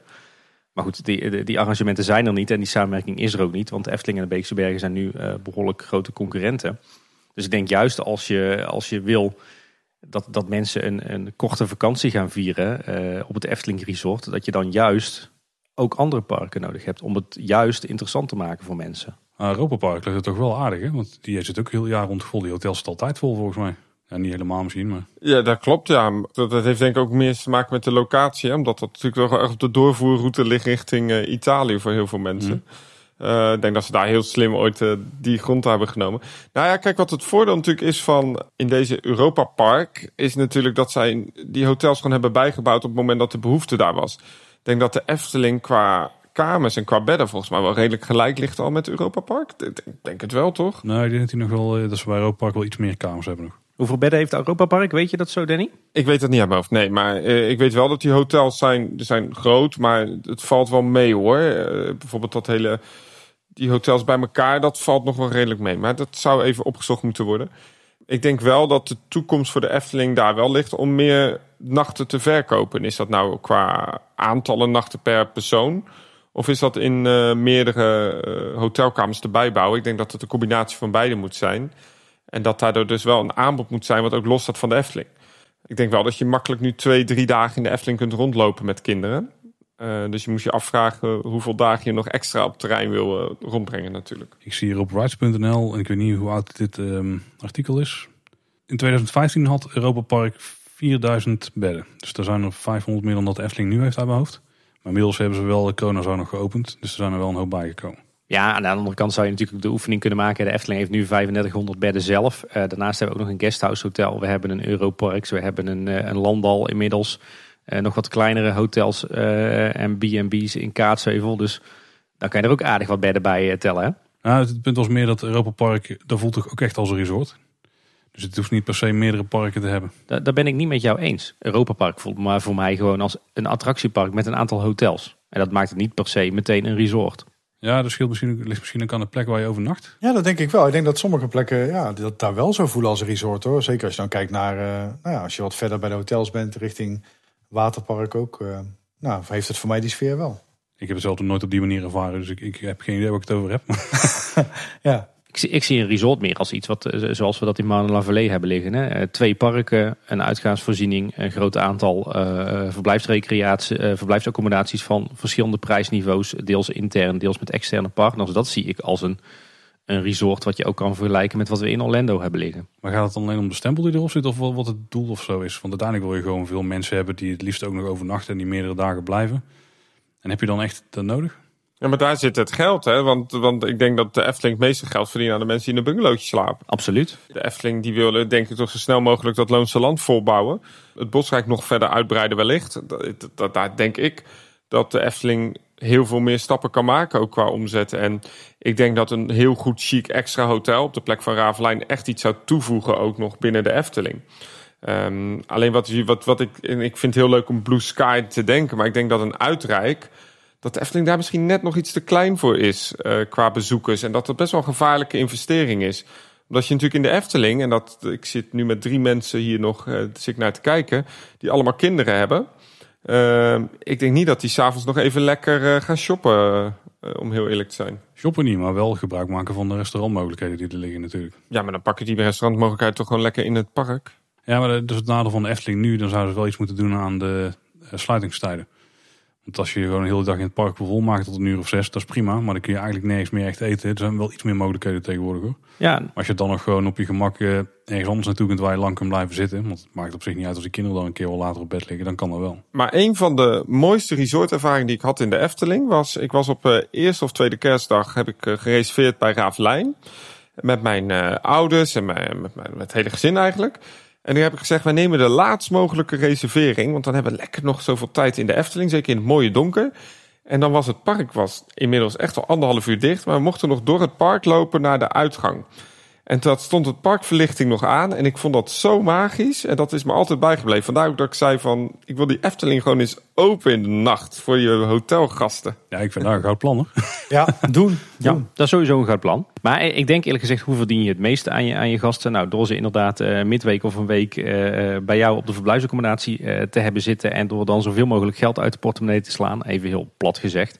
En dat kan volgens mij het beste door te zeggen van nou, ga eens één of twee dagen naar het Efteling Park. Ga eens één dag naar een Second Gate. Eh, ga ook eens een dagje eh, naar de bios, zwemmen, een restaurantje pakken, wat shoppen in een uitrijk. Ga voor mijn part inderdaad eens een, een, dagje wandelen op, in, in de natuurgebieden rond de Efteling. Deels ook van de Efteling zelf natuurlijk. Volgens mij hou, hou, hou je zo het, het langst mensen bij je. En, en leveren ze je zo dus ook het meeste omzet op. Ja, misschien is de vraag die ik meer wilde stellen. Want mijn, plan was, we breiden het park uit. Dat is ook gewoon omdat ik meer Efteling wil. Er kan nooit genoeg Efteling zijn wat mij betreft. Misschien in de praktijk blijkt dat het anders is. Maar ze moeten de sfeer net zo eraan relateren dat het wel daar in de buurt blijft. En maar zou, dat, zou het te verkopen zijn? Dat je gewoon één groot park hebt, waar in principe net zoveel uh, vermaak in zit dan in twee parken. Alleen je hebt gewoon maar één ingang. Uh, niet letterlijk misschien, maar je hebt gewoon maar één, één ticket die je hoeft te kopen. Ik denk dat het misschien moeilijker te verkopen zo, maar... Ik heb een wijsman ooit eens horen zeggen dat, uh, dat ehm, stel dat je 30 hectare toevoegt. En uh, je voegt dat aan het huidige Efteling Park toe. Uh, ten opzichte van je bouwt een second gate van 30 hectare. Dat die second gate vele malen meer extra bezoekers oplevert. En vele malen meer verblijfsgasten dan dat je zegt we breiden de Efteling uit. Want dan gaan de mensen zeggen ja die Efteling wordt nog groter. Ik moet nog langer lopen. Dus ik denk dat ze sneller bij, uh, bij een, een, tweede park zeggen van nou we maken er een mini vakantie van. We maken er twee, drie, vier dagen van. Uh, dan dat ze zeggen van god de Efteling is nog groter geworden. Laat ik nu maar uh, toch er even een paar dagjes aan vastplakken. Tuurlijk gaat het dan ook gebeuren. Ja, ik heb dat wel eens besproken met een oud parkdirecteur van Europa Park. En die zei er zit eigenlijk wel een beetje een max op wat je op een gegeven moment je park groter kunt maken. Want mensen zijn op een gegeven moment ook wel gewoon klaar mee. Ja. Uh, je kunt wel continu attracties bijbouwen of oppervlakte erbij doen. Maar ik zou het bijvoorbeeld een hele slechte zet vinden van Europa Park om dat park nog maar steeds verder uit te breiden. Omdat ik denk van ja, het wordt nu wel heel groot. En de basisvoorziening heb je na twee dagen ook wel gezien. Want het nadeel is dat je basisvoorziening, je basispunten in je park, die blijf je twee, drie dagen hetzelfde. Want dat, dat, dat blijf je oplopen. En ik, ik zou prima vinden als de Efteling nu ook heel erg gaat kijken. Oké, okay, misschien moeten we nog her en der wat dingetjes toevoegen. Maar ik denk dat het op een gegeven moment ook wel klaar is dan. Snap je wat ik ja. bedoel? En dat was één voordeel wat dan ook het enkele park had. Ik was net vergeten te noemen, maar dat is wel wat jij in het begin aanhaalde, Danny. Dat het aantal medewerkers wat je dan hoeft in te zetten is gewoon minder. Want je breidt vooral uit op basis van attracties en minder op uh, de faciliteiten eromheen die je ook gewoon moet bezetten tijdens zo'n dag. Dus dat is dan ook een, een voordeeltje. Maar het is een, een, een serieus groot probleem op dit moment in pretparkland. Is gewoon personeel. Ja. En uh, vrijwel alle parken hebben ze dadelijk in zo'n drukke zomerseizoen, hoewel dat dit jaar wat anders zal zijn, maar voornamelijk in de drukke normale zomerseizoenen echt, echt tekort. En als je gaat kijken in Zevenum, dat daar gewoon in de zomer gewoon heel veel horeca niet open kan, omdat er gewoon geen personeel was. Ja, dat is zorgwekkend. Dus ja, ik zou als park, als Efteling zijnde, dat zoveel mogelijk proberen van, oh, ik ga mijn handen daar niet meer aan branden. En laat dan maar uh, Subway met, uh, met een Eftelingse sandwich komen. Hey mannen, we gaan, uh, we gaan richting een, uh, een conclusie.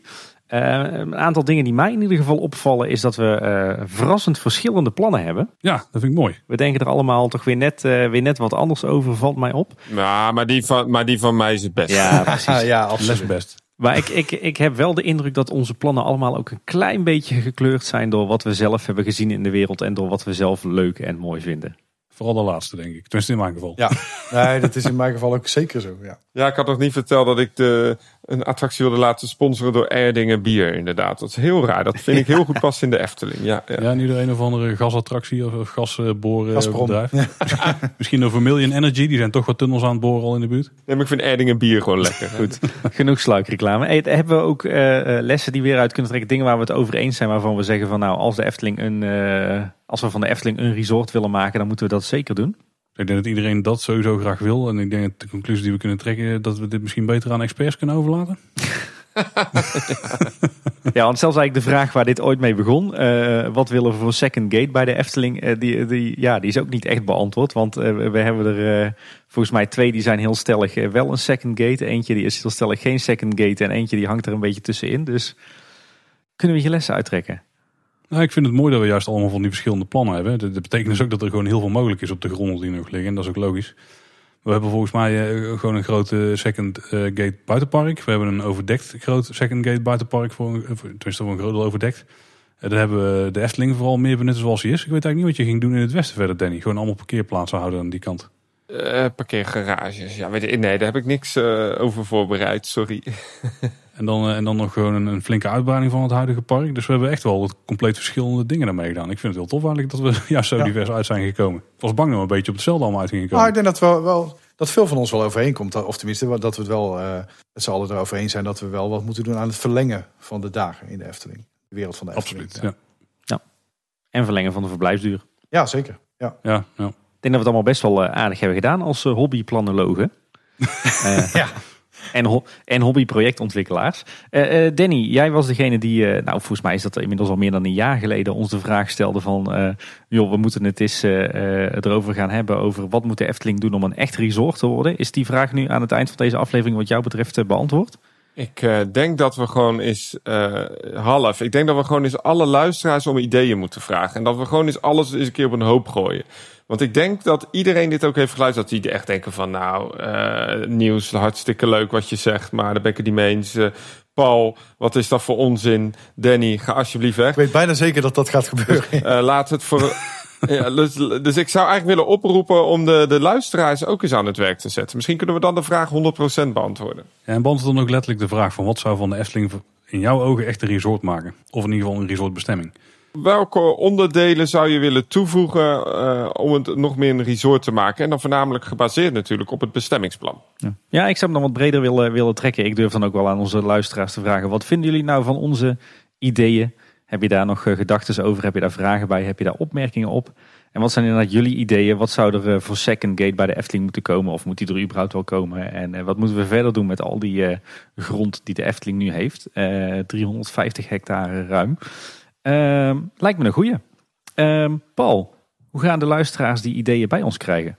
In dit geval is de allermakkelijkste manier denk ik een mailtje sturen of het contactformulier op de website gebruiken. Wil je mailen, dan kun je mailen naar info.kleineboodschap.com. Contactformuliertje vind je op de website, uiteraard kleineboodschap.com.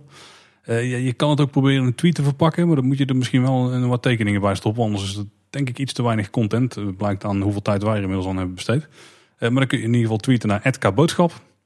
En als je andere social media kanalen wil gebruiken, op Instagram en Facebook zijn we Kleine Boodschap. Ja, en uh, je kan ons luisteren in alle uh, reguliere en minder reguliere podcast apps en op Spotify. En als je ons luistert, vinden we het leuk als je je abonneert op Kleine Boodschap. Uh, en luister je in de iTunes of Apple Podcast, luister dan, laat dan ook zeker een rating of een review achter. Daar worden we ook altijd heel blij van. Kunnen wij wat van leren, nieuws? Nou, zeker. Nog heel veel. Nog heel veel. Ja. Het is routine. Wij doen dit al ruim 160 afleveringen. Dat scheelt. En Niels en Danny, hartstikke bedankt dat jullie hier eh, aanwezig wilden zijn. Ik kan alleen maar aanraden, luister ook naar Team Parks on Stage. Ik vind het echt een hele toffe podcast. Eh, die kan zeker in je luisteren. Want jullie hadden een onregelmatig release schema, toch? Dus net als jullie een tof idee hebben, dan, dan komt die uit. Ja, ja, dus we hebben niet van tevoren al bepaald, eh, dat is één keer per week of één keer per twee weken. nou ja, de laatste keer is het ongeveer één keer per twee weken geweest. Maar het is onregelmatig. En nou, we zijn het gestart tijdens corona. Dus we gaan kijken hoe lang we doorgaan en hoe lang het leuk blijft. We hebben nog, wat ik al zei, heel veel onderwerpen op de planning. Dus hou vooral die eh, favoriete podcast app in de gaten en uh, hij komt vanzelf uh, oppoppen. Ja, dus even abonneren op Team Parks on Stage. Ja, iets wat ik ook, ook zeker kan aanraden, want ik luister het ook met, met heel veel plezier. En ik ben ontzettend blij dat we eindelijk eens een aflevering samen met jullie hebben kunnen maken. Danny en Niels, waar ik ook bij ben trouwens. Want Paul, je hebt al vaker met, met Danny zaken gedaan. ja, dat klopt trouwens. Ja. Eindelijk mocht ik er een keer bij, bij zijn. Nee, super tof mannen. En ik ben ook groot fan van Team Parks on Stage. Dus super bedankt. Nou, ja, jullie vooral eh, bedankt. Ik, ik vind het een enorme eer om uh, bij jullie te gast te zijn. Uh, ik luister jullie natuurlijk al vanaf het prille begin. En nou ja, hè, zie jullie samen met Ochtend in Pretparkland wel een beetje als de, de podcastgoeroes. Dus nou, ik, ben, ik ben echt blij dat ik te gast mocht, mocht zijn. En mijn plannen mocht delen als ze inderdaad nou ja, zelf bedachte planoloog sinds enkele dagen. ja. Wat ik ook wel leuk vind, en dat is misschien ook wel leuk in de ideeën naar de luisteraars. Dat de dat, dat je al bij jezelf merkt dat het soms lastig is om echt blue sky, blue sky te denken. Omdat ik toch al aan mezelf merk, ook omdat ik uit de sales kom hiervoor, dat je toch al snel denkt in haalbaarheid, schaalbaarheid. Hè, wat is marketing technisch handig? Dus nou ja, het lukte mij in ieder geval niet om echt helemaal uh, blue sky te denken. Maar ik ben wel echt ontzettend benieuwd naar die ideeën. Maar uh, nou, vooral ontzettend bedankt mannen voor de uitnodiging. Erg leuk. En ik denk dat we nogmaals even moeten noemen, Danny. Team Park Science nieuw kanaal op YouTube. Check hem even. en wil je nog meer zien van Danny, dan check je even zijn Eftelflex kanaal. Die uh, tippen we volgens mij ook regelmatig als daar een toffe video rondom de Efteling op verschijnt. Ja, wat top. Dankjewel jongens. Dankjewel. Nou, Danny en Niels, nogmaals bedankt. En alle luisteraars natuurlijk bedankt voor het luisteren. En tot de volgende keer. En houdoe. Houdoe waar. Houdoe. Hoi hoi.